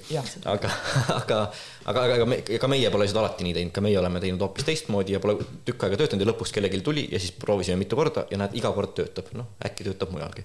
et need sellised ähm, arutelud, see on ka erikooli või selle kompetentsikeskusele endale väga-väga rikastav, et näha nagu niisugust laiemat maailma pisut et meie kaasamine toimub meie jaoks niipidi, eks ole, et, et kuidas siis ta, tavakoolis või noh, kui nii tavaline kui üks tavakool üldse olla saab, et kuidas siis seal elu toimib ja, ja kas need asjad päriselt kanduvad üle ja noh, see on ka seesama õpipõnevus või niisugune õpilust, mis seal kaasas käib. mina mõtlengi, et üks suur pluss on see, et meil on tegelikult ju hästi suur koostöö ka juhtkondade tasandil, et äh, õppejuhid saavad regulaarselt kokku koolijuhid saavad regulaarselt kokku. meil on isegi alati küsimused, et mis on need äh, sellised äh, õpi eesmärgid või et mis teemaga me tegeleme. et tegelikult ongi see hästi suur pluss, et miks võib-olla Tartus ongi kõik nii hästi, sest et Tartus koolijuhid tahavad teha koostööd ja kes ei taha, siis ta teeb sellepärast, et kõik teised ju teevad. et selles mõttes on nagu ähm, selline justkui ka jälle sisse, sisse või selga õmmeldud särk, mis, mis paneb meid koostööd tegema ja tegelikult see koostöö toob ka mingeid muudatusi või tulemusi. Jah, noh, inforuum on ühine ikkagist, isegi jah, kui sa ütled, isegi kui, kui ma ei tea, kui võib-olla tõesti keegi ei taha nii, nii väga kas ühe või teise teemaga tegeleda, siis kui ta kohale ikka lähed, ikka huvitab ju, mis teised teevad ja kuidas parasjagu, mis õhus on, eh, siis vähemalt sellise passiivse teadmise või, või infoväljas oleku saad sa ikka endaga kaasa, et sellest sa ei pääse kuidagimoodi ja no ainult heas mõttes. ja, ja ma arvan, et see õpihimu on küll koolijuhtidel ka väga-väga suur olemas ehm, et, et on need teemad, millega tegeleda, toimuvad ka õpi või koolijuhtide õpiringid ju ja, ja kõike muud, et ehm, ja kui sa oled selles õppimise sees ka ise juhina, siis ongi väga raske nagu lasta koolil paigal, paigal seista, eks ole. ja kui midagi juba liigub, eks ta ikka liigub sinna, kus ta, kus on mõistlikum liikuda. et jaa, sellele võib, sellega võib ainult nõus olla no me oleme siin rääkinud õpetajatest, koolijuhtidest ja loomulikult lastest, aga milline on ühiskonna hoiak selle kaasava hariduse suhtes ja noh, lapsevanemad, kui läheme nüüd kitsamalt ja toome nad sinna klassi, kelle klassi on sattunud need erivajadused, et kuidas need mis võitlused teil on pidanud, olete pidanud maha pidama ja, ja millised on töövõidud? No muud ka, ka selles suunas oli toimunud, et varem oli kuidagi raskem leppida kokku sellega, et, et ikkagi laps peaks õppima erivajadustega õpilaste klassis või individuaalse õppekava alusel või midagi taolist, aga, aga praegu äh, vanemad vist juba näevad, et tegelikult äh, õpitulemused ja õpilase areng on heal tasemel.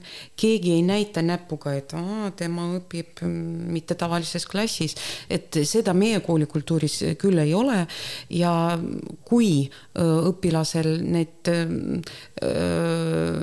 komisjoni otsused on olemas, nõustamiskomisjoni otsused on olemas, siis väga tihti vanem on nõus sellega. aga muidugi on olemas need vanemad, kes nagu ei saa, ei taha tunnistada seda, nad süüdistavad, et on süüdi õpetaja, kes ei oska õpetada, on süüdi need õpilased, kes on ümberringi, et nemad kiusavad ja teevad kõik valesti ja seepärast nende laps käitub halvasti, et muidugi need juhtumid on ka olemas.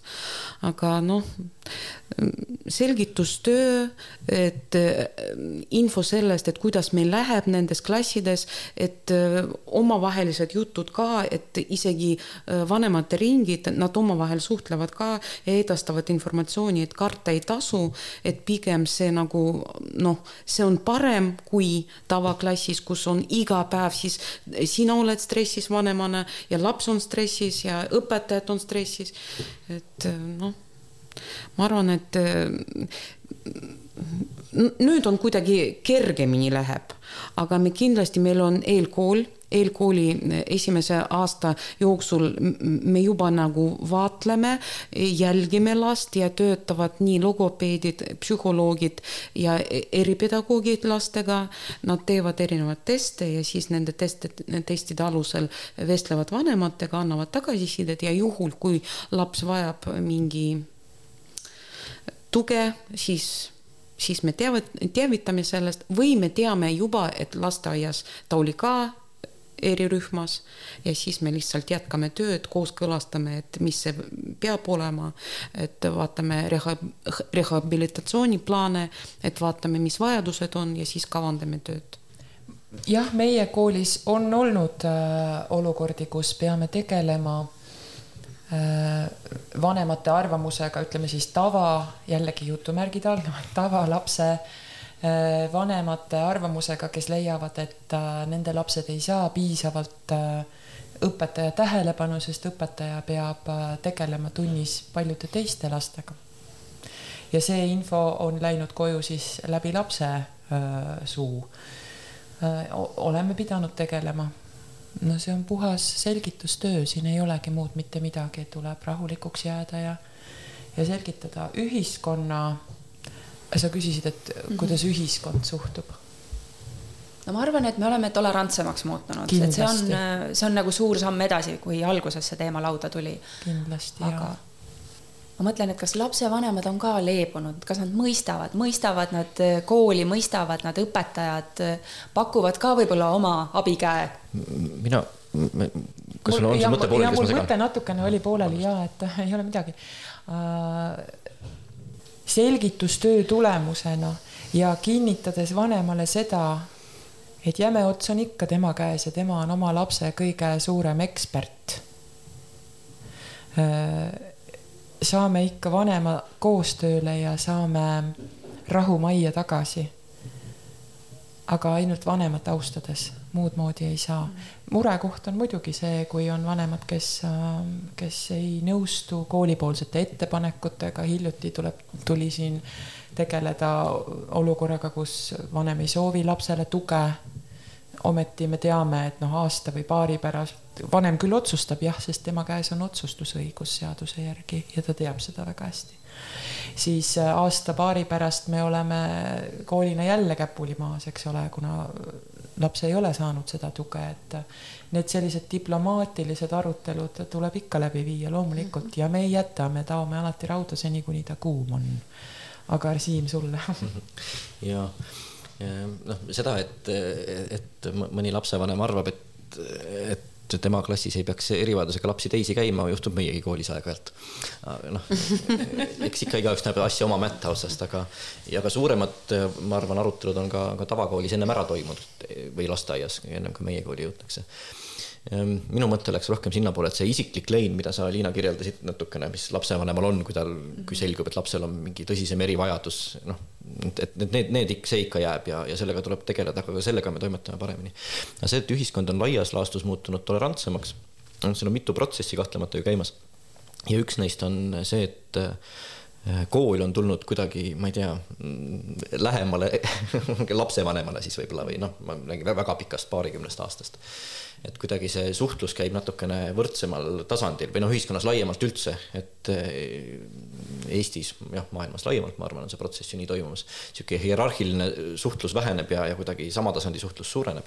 ja, ja see, mis, mis ju töötab igas olukorras peaaegu, on see, et kui ma usaldan, kui lapsevanem usaldab kooli, kui näeb, et tahetakse kõige paremat teha, noh, siis on lihtsam sellega kaasa tulla, olgu see isiklik lein ja vastupanu ja kõik muu, noh, see ikka, see inimlik osa ju jääb, see mitte nii positiivne ilmtingimata aga, aga see uskumus, et minu lapsele tahetakse parimat, ma arvan, et see on küll tõusnud ja seda kuidagi väljendatakse paremini ja selgemini ja, ja usutakse sellesse kindlasti ka rohkem ja noh, see ongi seesama roll, mis koolil on, ähm, on, on säilinud, aga natukene muutunud siiski, et selline ähm, tahe olla sealsamas kohas, kus on lapsevanem, mina, mina seda näen küll ja mulle tundub, et äh, kuidagi lõtkuga on tulnud see, et kooli valmidus olla vanemale partneriks oli enne ja vanema valmidus olla kooliga partner on nüüd lõpuks järgi jõudma hakkamas, et selline mulje on küll jäänud, sest seda lobistitööd ja jutu rääkimist oli kuidagi või selgitustöö tegemist.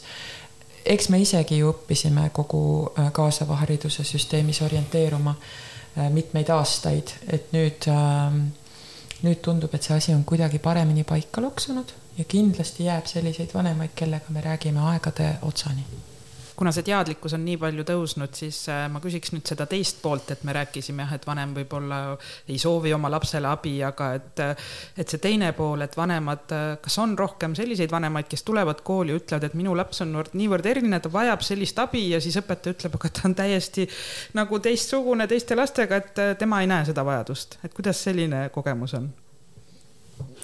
kindlasti on tõusnud, et lapsevanemad muretsevad väga, nad tahavad parimat ja ja võib-olla ongi kohati hakatakse juba panema hästi kõrgeid ootusid ja kui tundub, et laps ei tule järgi sellele, et siis justkui on lapsel midagi halvasti või midagi viga või et, et näed, et see kõne tal ei arene või et ta ei oska veel võtta siin esimeses klassis, et lugesin talle ühe peatüki ette ja ta ei oska kokkuvõtet teha ja ei oska hästi sõnastada. et see on ka kindlasti see, kus kool saab rahustada ja öelda, et kõik on hästi see tuleb, see võtab natukene aega, et me ei saa ju lasta teil kõik ära õpetada. me tahame ka natuke aidata. et selles mõttes tuleb jah, mõnikord lapsevanemale öelda, et nüüd võtab kool üle ja hakkab õpetama, et ärge muretsege. ja mina kuulsin sellest küsimusest veel teist poolt ka, et kui on olukord, et vanem näeb, et tema laps on geenius, aga koolis toimib noh, on tavaline laps tavalises klassis, õpetaja seda geniaalsust sellisel moel ei märka. kas ma sain õigesti aru sellest küsimusest, jah ja.? Mhm. selliseid situatsioone jah, on ja need käivad puhtalt läbi siis aineõpetaja ja vanema ja siis juhtkonna poolse vahendamise ja selgitamise ja nagu noh, need lahenevad ära. vanema kõrged ootused oma lapse suhtes on murekoht kindlasti ka. Aga need on teinekord ka põhjendatud, kui on tegemist äh, nii-öelda siis HEV pluss jälle tinglikult rääkides andeka lapsega, kellel on noh, kelle äh, kelle erivajadus on andekus. jah, et ähm, see on situatsioon, mis on aineõpetajale jällegi väljakutse kindlasti ja õnneks jällegi, kui me räägime nüüd Tartu linnast, siis äh, meil on äh, ju suurepärased võimalused osaleda ülikooli teaduskoolis ja äh, pakuvad projekte ja programme ahhaa-keskused ja, ja muud erinevad äh, teaduskeele ja, ja, ja, ja teised keskused, mul ei tule praegu kõik pähegi korraga, aga et, äh, et siin on, kui, kui pere, kui see on põhjendatud tõepoolest ja neid lapsi muidugi on, äh, siis äh, on need arendamise võimalused suured ja laiad ja kui perel ei ole seda võimalust, siis leiab kool selle võimaluse, et toetada perekonda. Et laps saaks õppida näiteks kohas, kus on noh, vaja tasuda selle õppimise eest, et noh, kõiksugused paindlikud kokkulepped on võimalikud, peaasi, et äh, ei jääks see andekus nüüd kängu selle tõttu, et õpetaja peab kolmes-neljas-viies suunas klassis samas, samal ajahetkel õpetama. et äh, need võimalused on kõik olemas ja oleme neid ise ka proovinud ja katsetanud, et ja kas, kas ma vastasin su küsimusele? ma usun ja, ja ma võtan kohe siit sellest andekuse sabast äh, kinni ja küsingi, et äh, üks asi on need äh, andekad nii-öelda tavalapsed, aga andekusega sageli käib kaasas ka mingisugune keerulisem diagnoos. et kuidas te nendega hakkama saate ja kasvõi needsamad ülikoolid, muud teaduskeskused, et kas nemad on ka oma õppeprogramme niimoodi kohandanud, et nad oskavad erilistel, eriliste lastega, kes on andekad, ka toime tulla? on meil olnud selliseid õpilasi kes on saanud äh, samal ajal nagu tõhustatud äh, lisaõpet nagu andekuse suunal, olles erivajadusega, sest koormust kogu, kogu koolipäeva või kogu koolinädala koorm-, koormust samal ajal ära ei talu, et siis, siis pitsilised tunniplaanid, augulised, siis kuidagi kohandatud koolinädal rõhuga mõnele ainele? Ikka on tulnud ette puhas paindlikkus ja õpetaja nägemine, mõistmine ja kaasaaitamise soov ja vanemaga koostöö, et me peame endale kooli ilmselt võtma suhtekorraldusspetsialisti, tundub praegu muidu teeme praegu kõik töö ise ära.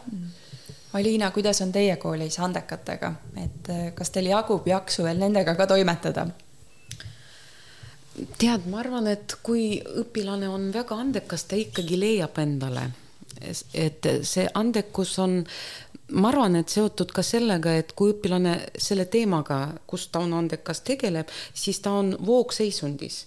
ta lihtsalt tahab kogu aeg sellega tegeleda, ta, ta, ta leiab endale, kui näiteks informaatika, robootika või mingisugune niisugune, et võimalusi on väga palju ja tõepoolest ma olen nõus, et kui näiteks on vaja mingi õppemaksu maksta ja perel ei ole võimalust, siis kool aitab kaasa vot siis ma mõtlesin sellest, et kui erivajadustega õpilane, näiteks seesama äh, autismispektriga õpilane, nad mõnedes ainetes on väga äh, andekad tõepoolest, et mul endal oli üks õpilane, kes ma, ma noh, ma vaatlesin, ma mõtlesin, et ta magab minu tunnis. no ma tead, ma teadsin, et ta on erivajadustega õpilane, et, et pigem äh, las ta on tunnis aga ma ei puutu te, teda. Ja pärast, kui tuleb kontrolltöö, ta, ta kirjutab viie plussiga. Ma küsisin, kas sa tegeled nagu paralleelselt, kes sulle seletab, et ta oli veel tulnud ähm, nagu äh, teisest riigist, et aga õpetan eesti keeles füüsikat ja ta eesti keeles vaat-, vaat-, äh, vastab ja vastab suurepäraselt. ma mõtlesin, et äkki mingi lisaõpetaja tal on, et kus, kus ta võtab seda, ta ütles ei, ma tunnist võtan ja ta tõepoolest oli andekas füüsikas, keemias, matemaatikas, aga teistes ainetes no mitte eriti ei meeldinud talle tööõpetus näiteks, üldse ei meeldinud kehaline kasvatus, mingid mängud, ta, ta, ta, ta lihtsalt ei, ei tahtnud nagu osaleda selles.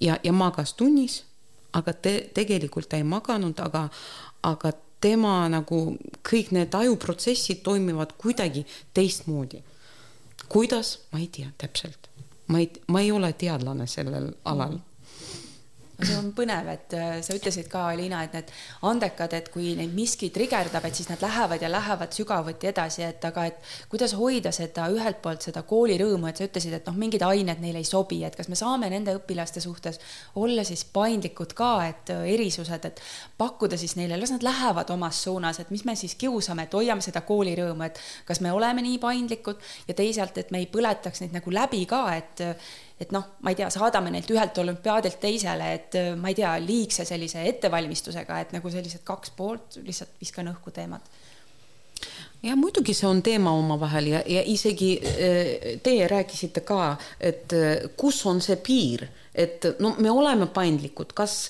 lubada üldse mitte osaleda muusikatunnis mm -hmm. ja kehalise kasvatuse tunnis ja või, või midagi mingi, mingil määral ta ikkagi, ta saadab, saab ju tunnistuse, kus on kõik ained olemas, eks ole. meie õppekava näeb ette, et õpilasel kõikides ainetes on positiivne äh, aastahinne, eks ole. et kus on see piir, millal me võime nõustuda, et noh, las ta olla, natukene vähendame, täpselt keegi ei oska vist öelda. et teiselt poolt nagu ma saan aru, et ikkagi mingid raamid, mingid piirid ikkagi peavad olema, isegi kui inimene on andekas, näiteks matemaatikas, las ta olla, aga ta peab aru saama, et õppetöö algab meil kell kaheksa, et noh, ikkagi on teised tunnid ka, et ta peab olema viisakas, ta peab äh, nagu koostööd tegema teiste õpilastega. kui tema on nii eriline, et üldse ei tee koostööd, ei pea need reegleid, kes teab, võib-olla mingi äh, tööandja otsibki niisuguse spetsialisti, kes töötab ainult kodus, mis iganes äh, kellaajal mitte nii, et äh, päev algab kell kaheksa, aga ta, tema on tõepoolest väga endakas, ta kirjutab niisuguseid programme, et keegi ei oska seda teha koostöös, koos meeskonnaga. Et need küsimused, mis praegu kahekümne esimesel sajandil seisavad õpetajate ees, seepärast õpetaja ei teagi, et et äh, kuidas see nõustamiskomisjon räägib, et näiteks vähendatud õpitulemused, ma ei tea, matemaatikas või inglise keeles, kui palju mm -hmm vähendada. Et, et see on need küsimused, mida vajavad, ma ei tea, kas individuaalset lähenemist või kokkulepet vastupidi, ma ei tea, ma ausalt ütlen, et meie koolis on ka need on suured küsimused.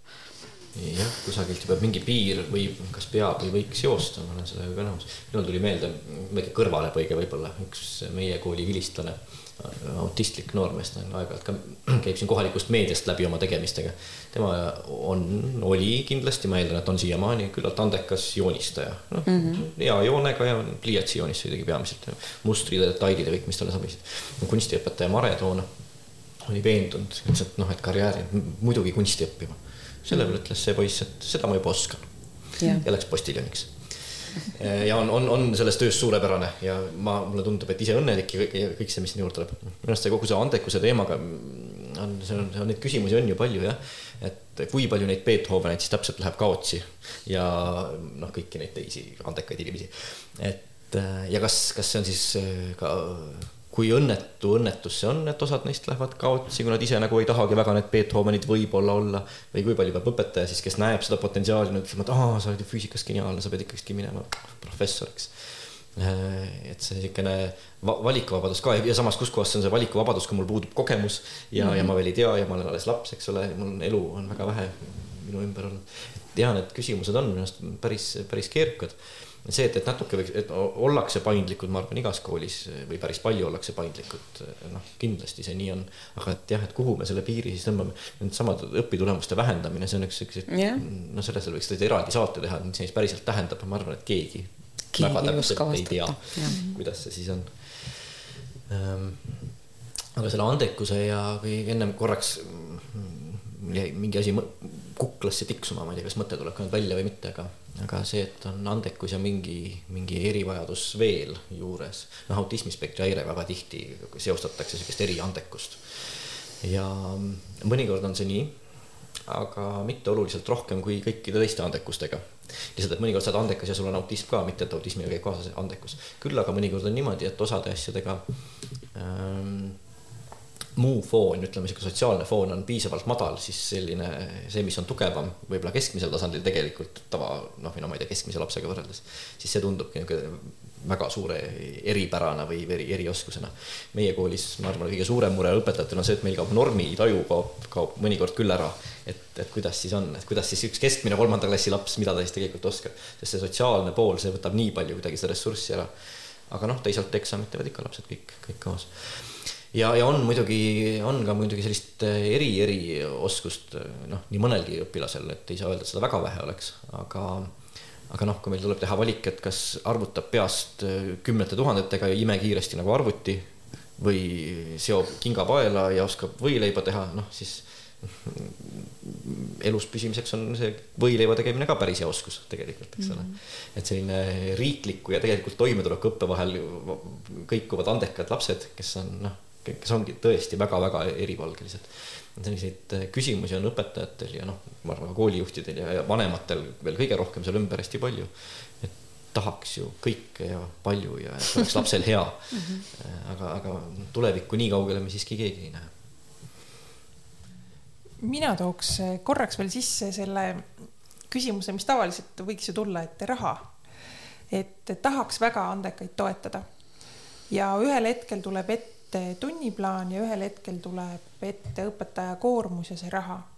et paratamatult midagi ei ole teha, et me oleme ära kaardistanud, palju on meil ähm, erivara, erivajadusega lapsi ja rohkem me vaatame alati sinna miinuspoolele või siis selle miinuskeele poolele. ja, ja me teame, et meil on ka andekaid ja kui meil on võimalik, siis meil on tõesti nii-öelda nutikate ring, kuhu õpetaja kutsub nutikamaid või ta teeb eh, enne tunde või peale tunde nendega lisatööd, suunabki neid eh, Tartu Ülikooli eh, teaduskooli või lisakursustele. aga ühel hetkel tuleb koolil otsustada, kas ta toetab miinust või ta toetab plussi.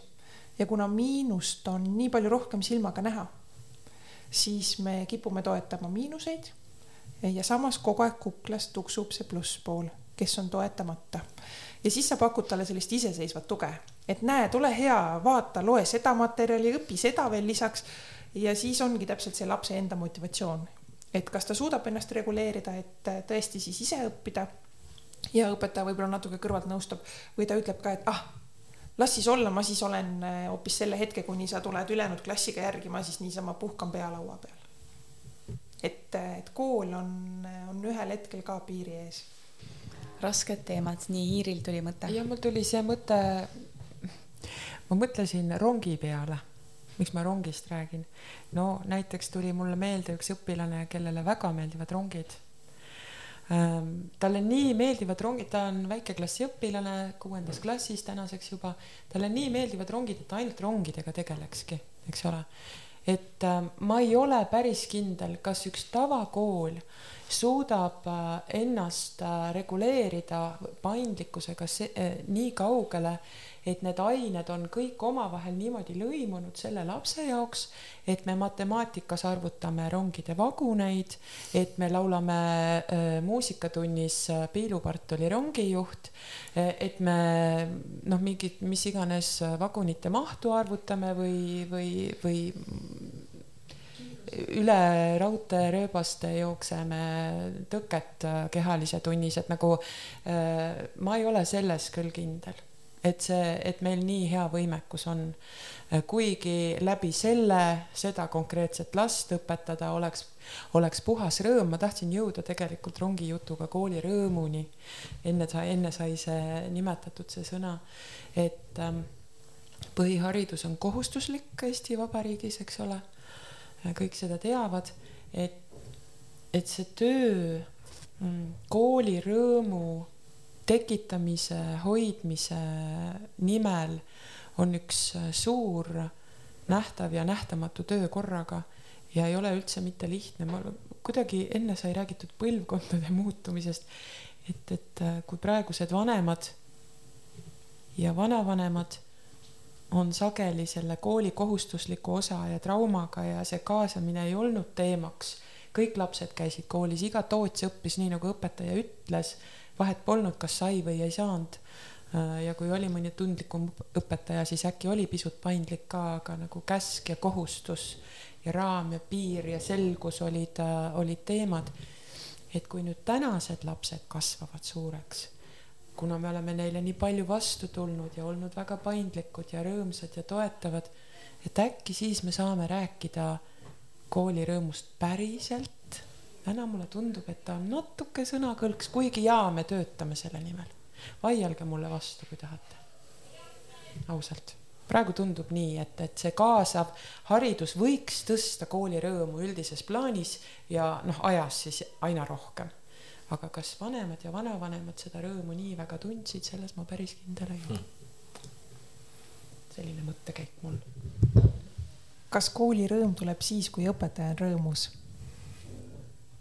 ehk kui õpetaja naudib koolis õpetamist ja töötamist, siis tuleb koolirõõm äkki?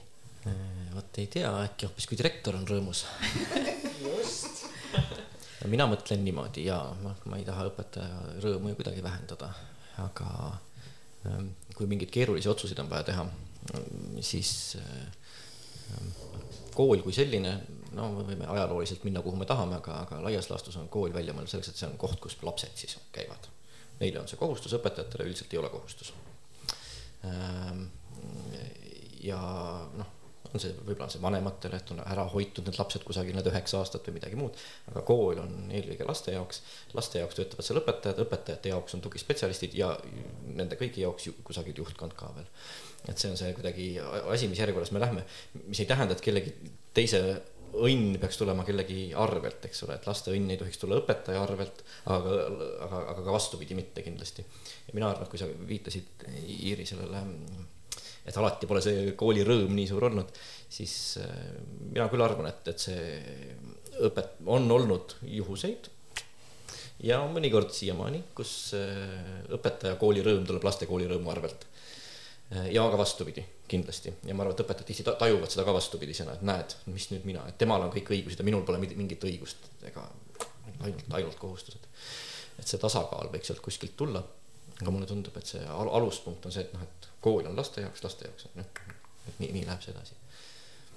ma ei tea, võib ka vastu vaielda sellele muidugi. ei ole põhjust vastu vaielda, tõepoolest, aga ma usun, ma usun, et rõõm suureneb äh, ajaga, kui me kaasava haridusega targalt toimetame.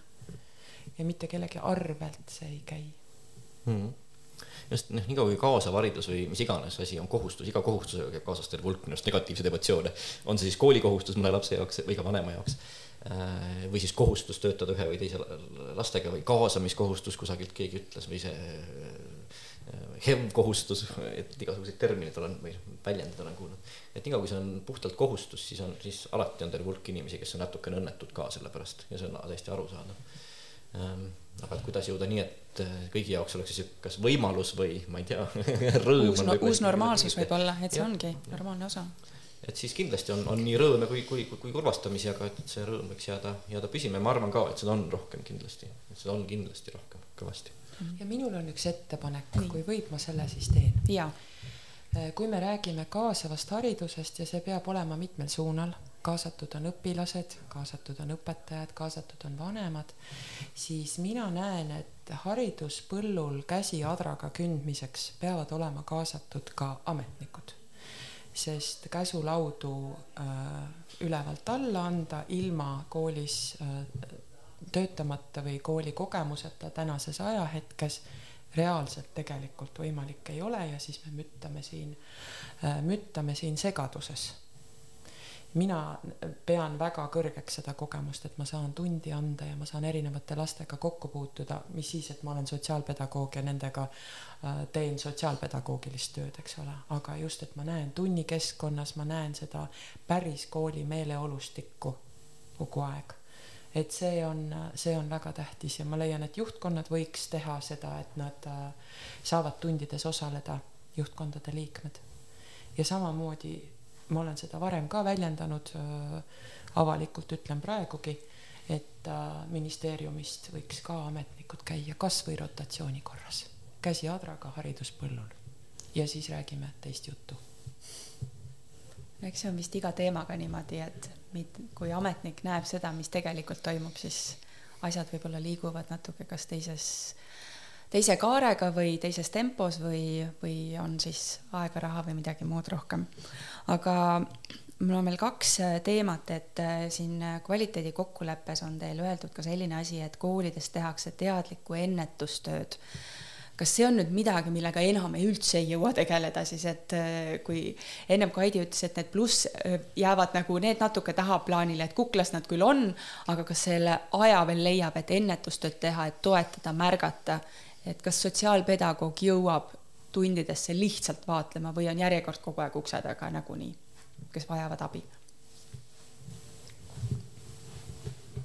lihtsalt vaatlema ei jõua. abivajajaid on hulga, aga ähm, tegelikult seda sisendit, ennetavat sisendit, selgitavat sisendit saab anda õpetajate kaudu ja õpetajaid nõustama ma ju jõuan mm. -hmm. Pluss minul on suurepärane võimalus olla inimeseõpetuse õpetaja ka seitsmendale ja kaheksandale klassile, nii et ma saan anda ka sisendit nende tundide raames. Mm.. mina täiendan, et tegelikult ennetus ju käib läbi õpetaja.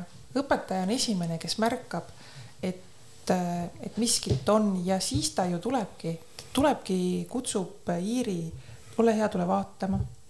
Kutsub koolipsühholoogi, et ole hea, tule tundi vaatama, et kas ainult mulle tundub, et tegelikult on õpetaja esimene märkaja ja, ja küsibki, et kas peaks juba hakkama midagi tegema, kas peaks mõtlema väikeklassile, kas peaks mõtlema individuaalsele õppekavale, kas oleks vaja suunata uurima, kas oleks vaja kutsuda lapsevanem kooli ja küsida, kas pilt koolis ja kodus erineb. Et, et selles mõttes ongi õpetaja ennetaja praeguses hetkes. et, et lihtsalt Iiri klassi ei astu, mina ka lihtsalt klassi ei astu vaatama, sest tõesti selleks ei ole aega. aga õpetaja märkab, kutsub ja siis me leiame küll selle aja no mina näen küll, et ennetusega noh, alati võiks ju rohkem ja küll oleks tore, kui üldse ei peakski lõpuks tulekahju kustutama, et, et ainult viibutad seda tulekustutustekki ja, ja ei tule leeki kunagi ülesse. et nii ju ka päris ei saa. ja noh, olekski igav võib-olla. Aga no Tartu koolides on terve hulk, no ma ei tea, alustame mingisuguseid hoolivuse programme või kiusamise ennetamise programme, mida läbi viiakse, noh, kõiksugused siuksed laiemad ennetustegevused ju toimuvad ka Ähm, kui ma erikoolide vaates vaatasin, et samad see kompetentsikeskuste tegutsemine on, mina näen seda ennetusmeetmena, äh, koolituste läbiviimine, see kogemus, mis meil juba Tartus olemas on, see, et on äh, õpiringid koolides. et see kõik, see kõik ongi ju ennetus. Et jõuda sinna, et juhul, kui on vaja sekkuda, siis ma sekkun võimalikult kiiresti, lihtsalt ja noh, nii et asi ei jää venima ja, ja selline valmisolek tihti selleni viibki, et ei olegi vaja. Need olukorrad ei tekigi või nad kuidagi mm, saavad ära ütleme seal manageeritud seal eos juba.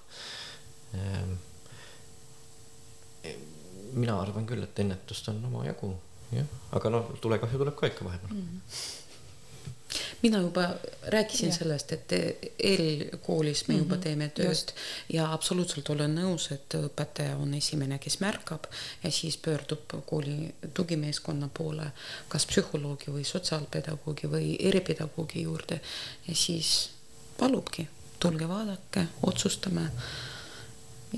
ja otsustame, kuidas me edasi liikume selle lapsega no ma tänan teid nende sisuliste mõtete eest ja, aga ma pean ära küsima ka ühe kuulaja küsimuse ja see tuli füüsilise keskkonna poole pealt just. et, et kas meie koolimajad noh, te olete ka Descartes on, te, me oleme siin Annelinna, vabandust, Puškini gümnaasiumis, et kas koolimajad on valmis selleks, et me loome neid väikeklasse, pisikesi ruume või me peaks hakkama disainima uusi koolimaju niimoodi, et need on kuidagi äh, ettevaatavalt sellele, et need, et see kaasamine ongi normaalne ja kuidas me peaks disainima selle maja nii, et, et me kõik ära mahume ja kõigil on ruumi olla ja toimetada, et me ei peaks mõtlema selle peale, et siia oleks vaheseina nüüd vaja, aga nüüd raha ei ole, et, et see oleks kõik kuidagi kergemini, see füüsiline keskkond tuleks kaasa. mille peale peaks mõtlema? no ikka füüsiline keskkond peaks toetama ka kõik need protsesse noh, meie kooli puhul meil oli ümberehitus aastal kaks tuhat seitse ja tollel ajal meil neljandal korrusel olid välja ehitatud niisugused pisikesed klassiruumid, eh, kus on mitte rohkem kui kaheksateist õpilast mahtuvad.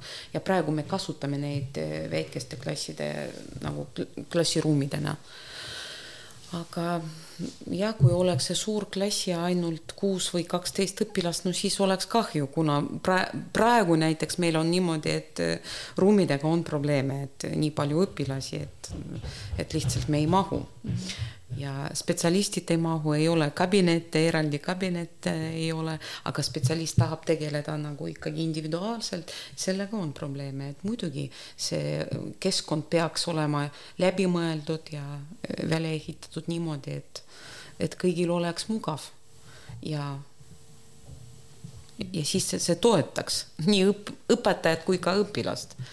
millest teie, Kaidi, kõige rohkem puudust tunnete? Me tunneme kõige rohkem puudust uuest koolimajast ja tore on see, et sellega siis venitatakse nii palju, sest me saamegi hakata seda disainima vastavalt sellele, milline on päris vajadus. et praegust on läinud käiku õpetajate toad äh, väikeste ruumidena, et, ähm, et me kasutame seda, mis meil on mm. -hmm. ja mm, -hmm. ja selles ootuses, et tõesti kunagi ükskord ka meieni üks uus koolimaja jõuab, on juba äh, sisse kirjutatud üks-ühele klassid on juba sisse kirjutatud äh, väikeklasside klassiruumid. et suurt avatud klassiruumi, ma arvan, et me enam ei toeta küll vist keegi mm. -hmm. meie koolis näiteks praegu ratastooli õpilane kuskilt sisse ei pääse või kui no pääseb, siis peab ta rõivistus õppima nii et noh, see on niisugune kurbloolisus, mis praegu on, et me ei saa vastu võtta mm. õpilast või kes, ma ei tea, siis meil üks lapsevanem käis, küsis, kas lift on olemas, sest äh, ratastoolis õpilane, ta ei saa liikuda koolis äh, korruste vahel ja meil ei ole jah. koht selleks on ette nähtud, aga lifti ei ole okei okay., aga Siim, sinul kui spetsialistilt töötad eri, erikoolis, käid, nõustad äh, koolijuhte ja õpetajaid, et mis sa näed, milline peaks see kooliruum ole, olema, mis toetaks selliseid õpilasi? Ma arvan, et ideaali me võime igasuguseid välja mõelda, aga see mõte, et me peame toimetama sellega, mis on, on, on noh, no see lihtsalt nii on. meil tuleb ka iga, ma jõuan kohe su küsimuseni ka, võib-olla kui mul meelest ära ei lähe, aga noh, iga meie kooli arutelu lõpeb alati sellega, et meil oleks uut koolimaja vaja, mis on ka tõsi, meie oleme ümber ehitatud ühikas elama, eks ole, või töötame. tehti saja viiekümnele lapsele õpib kolmsada last kahes vahetuses ja meie kooli supi, supervõime, kui peaks ühe välja valima, on kindlasti ruumide juurdeehitus. sest et ühe vaheseina ehitamine, isegi kui raha pole, on siiski odavam kui uue koolimaja ehitamine natukene ja, ja see noh, keskkonda tuleb kohandada tahes-tahtmata, lasteaedades, koolides, igal pool ja. ja Tartus on seda küll minu arust tehtud, ma ei tea ühtegi koolimaja, kus ei oleks ruume väiksemaks ehitatud, seinu, seina sisse uksekohti lõigatud. Ehm, koridoris, noh, kus iganes õpetatakse, eks ole aga see paindlikkus küll ühes siukses kaasaegses koolimajas, ma näen, et võiks olemas olla sihuke tsoneerimine ja et on, on mingid kohad, mis on vaiksemad, mis on lärmakamad. mina ei ole kindlasti noh, meie oma, oma siukse mätta otsast vaadates või meie kooli eripära vaadates suure avatud klassiruumi poolt, mis on siuksed suured õpiruumid mitmele klassile. noh, see ei näi mulle väga mõistlik olevat.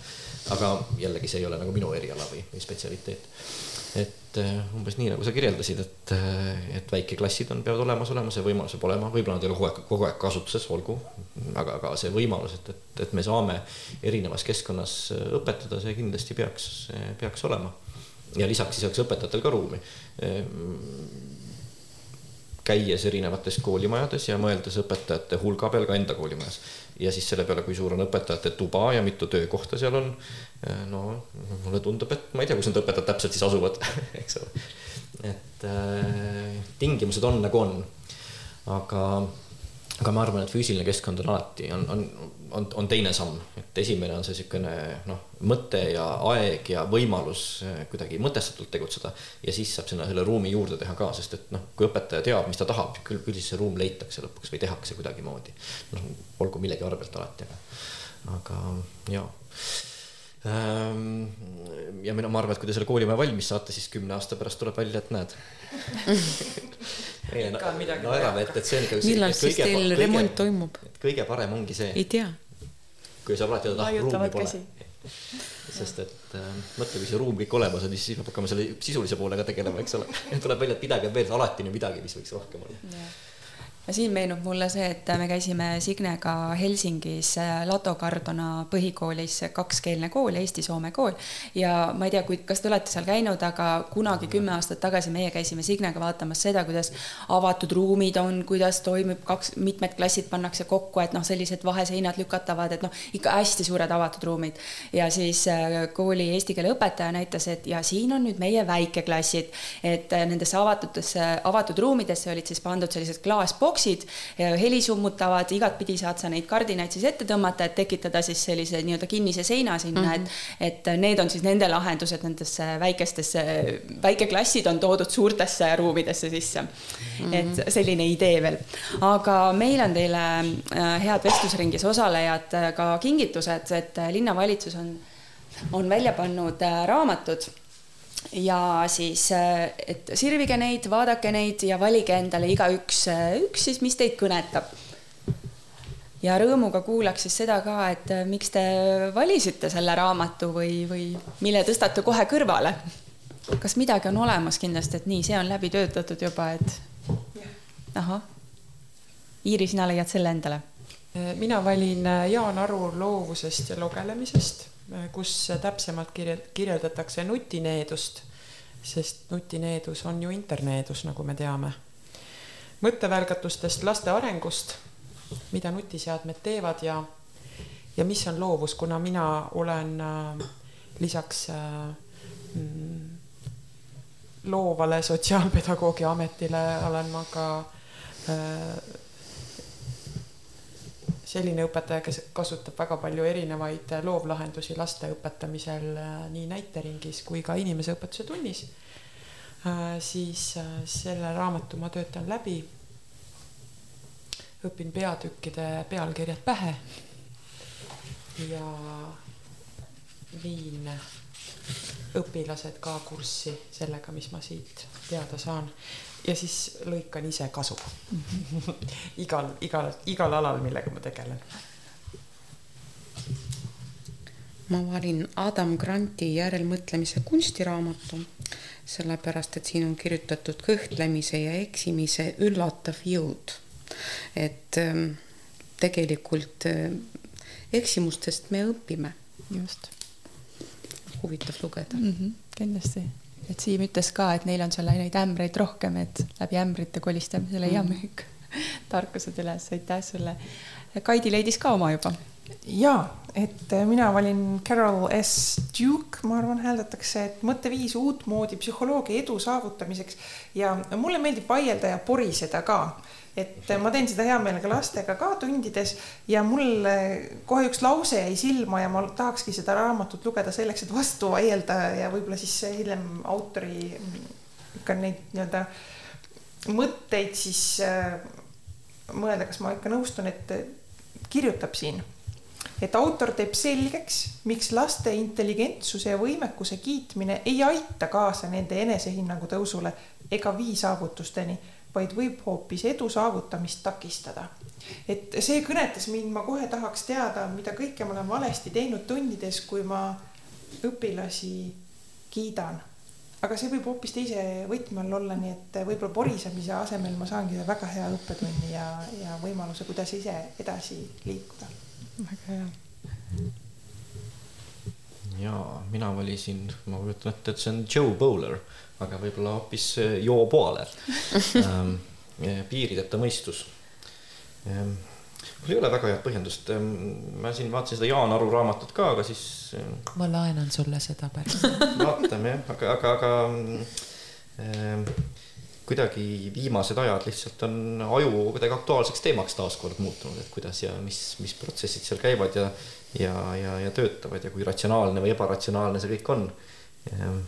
Et põnev oleks teada, mis siis siin täpselt kirjas on. just on väga põnev, kuidas me kujutame ette aju nagu sihukest ratsionaalset nagu arvutit. aga no tegelikult see nii ei ole no suurepärased valikud, suurepärased mõtted ja aitäh, et te sellise keerulise teema äh, võtsite siia pureda ja aitäh, et te saates osalesite ja jaksu teile selle vankri vedamisel. Hea kuulaja, loodame, et said tänasest saatest häid mõtteid ja uut inspiratsiooni. mis väärivad laikimist, kommenteerimist ning hea kolleegiga jagamist. toeta taskuhäälingut Õpime koos ning ole hariduse häälekandjaks. vaata meie kodulehte www.opimekoos.ee ning leia meid ka Instagramist ja Facebookist. õpime koos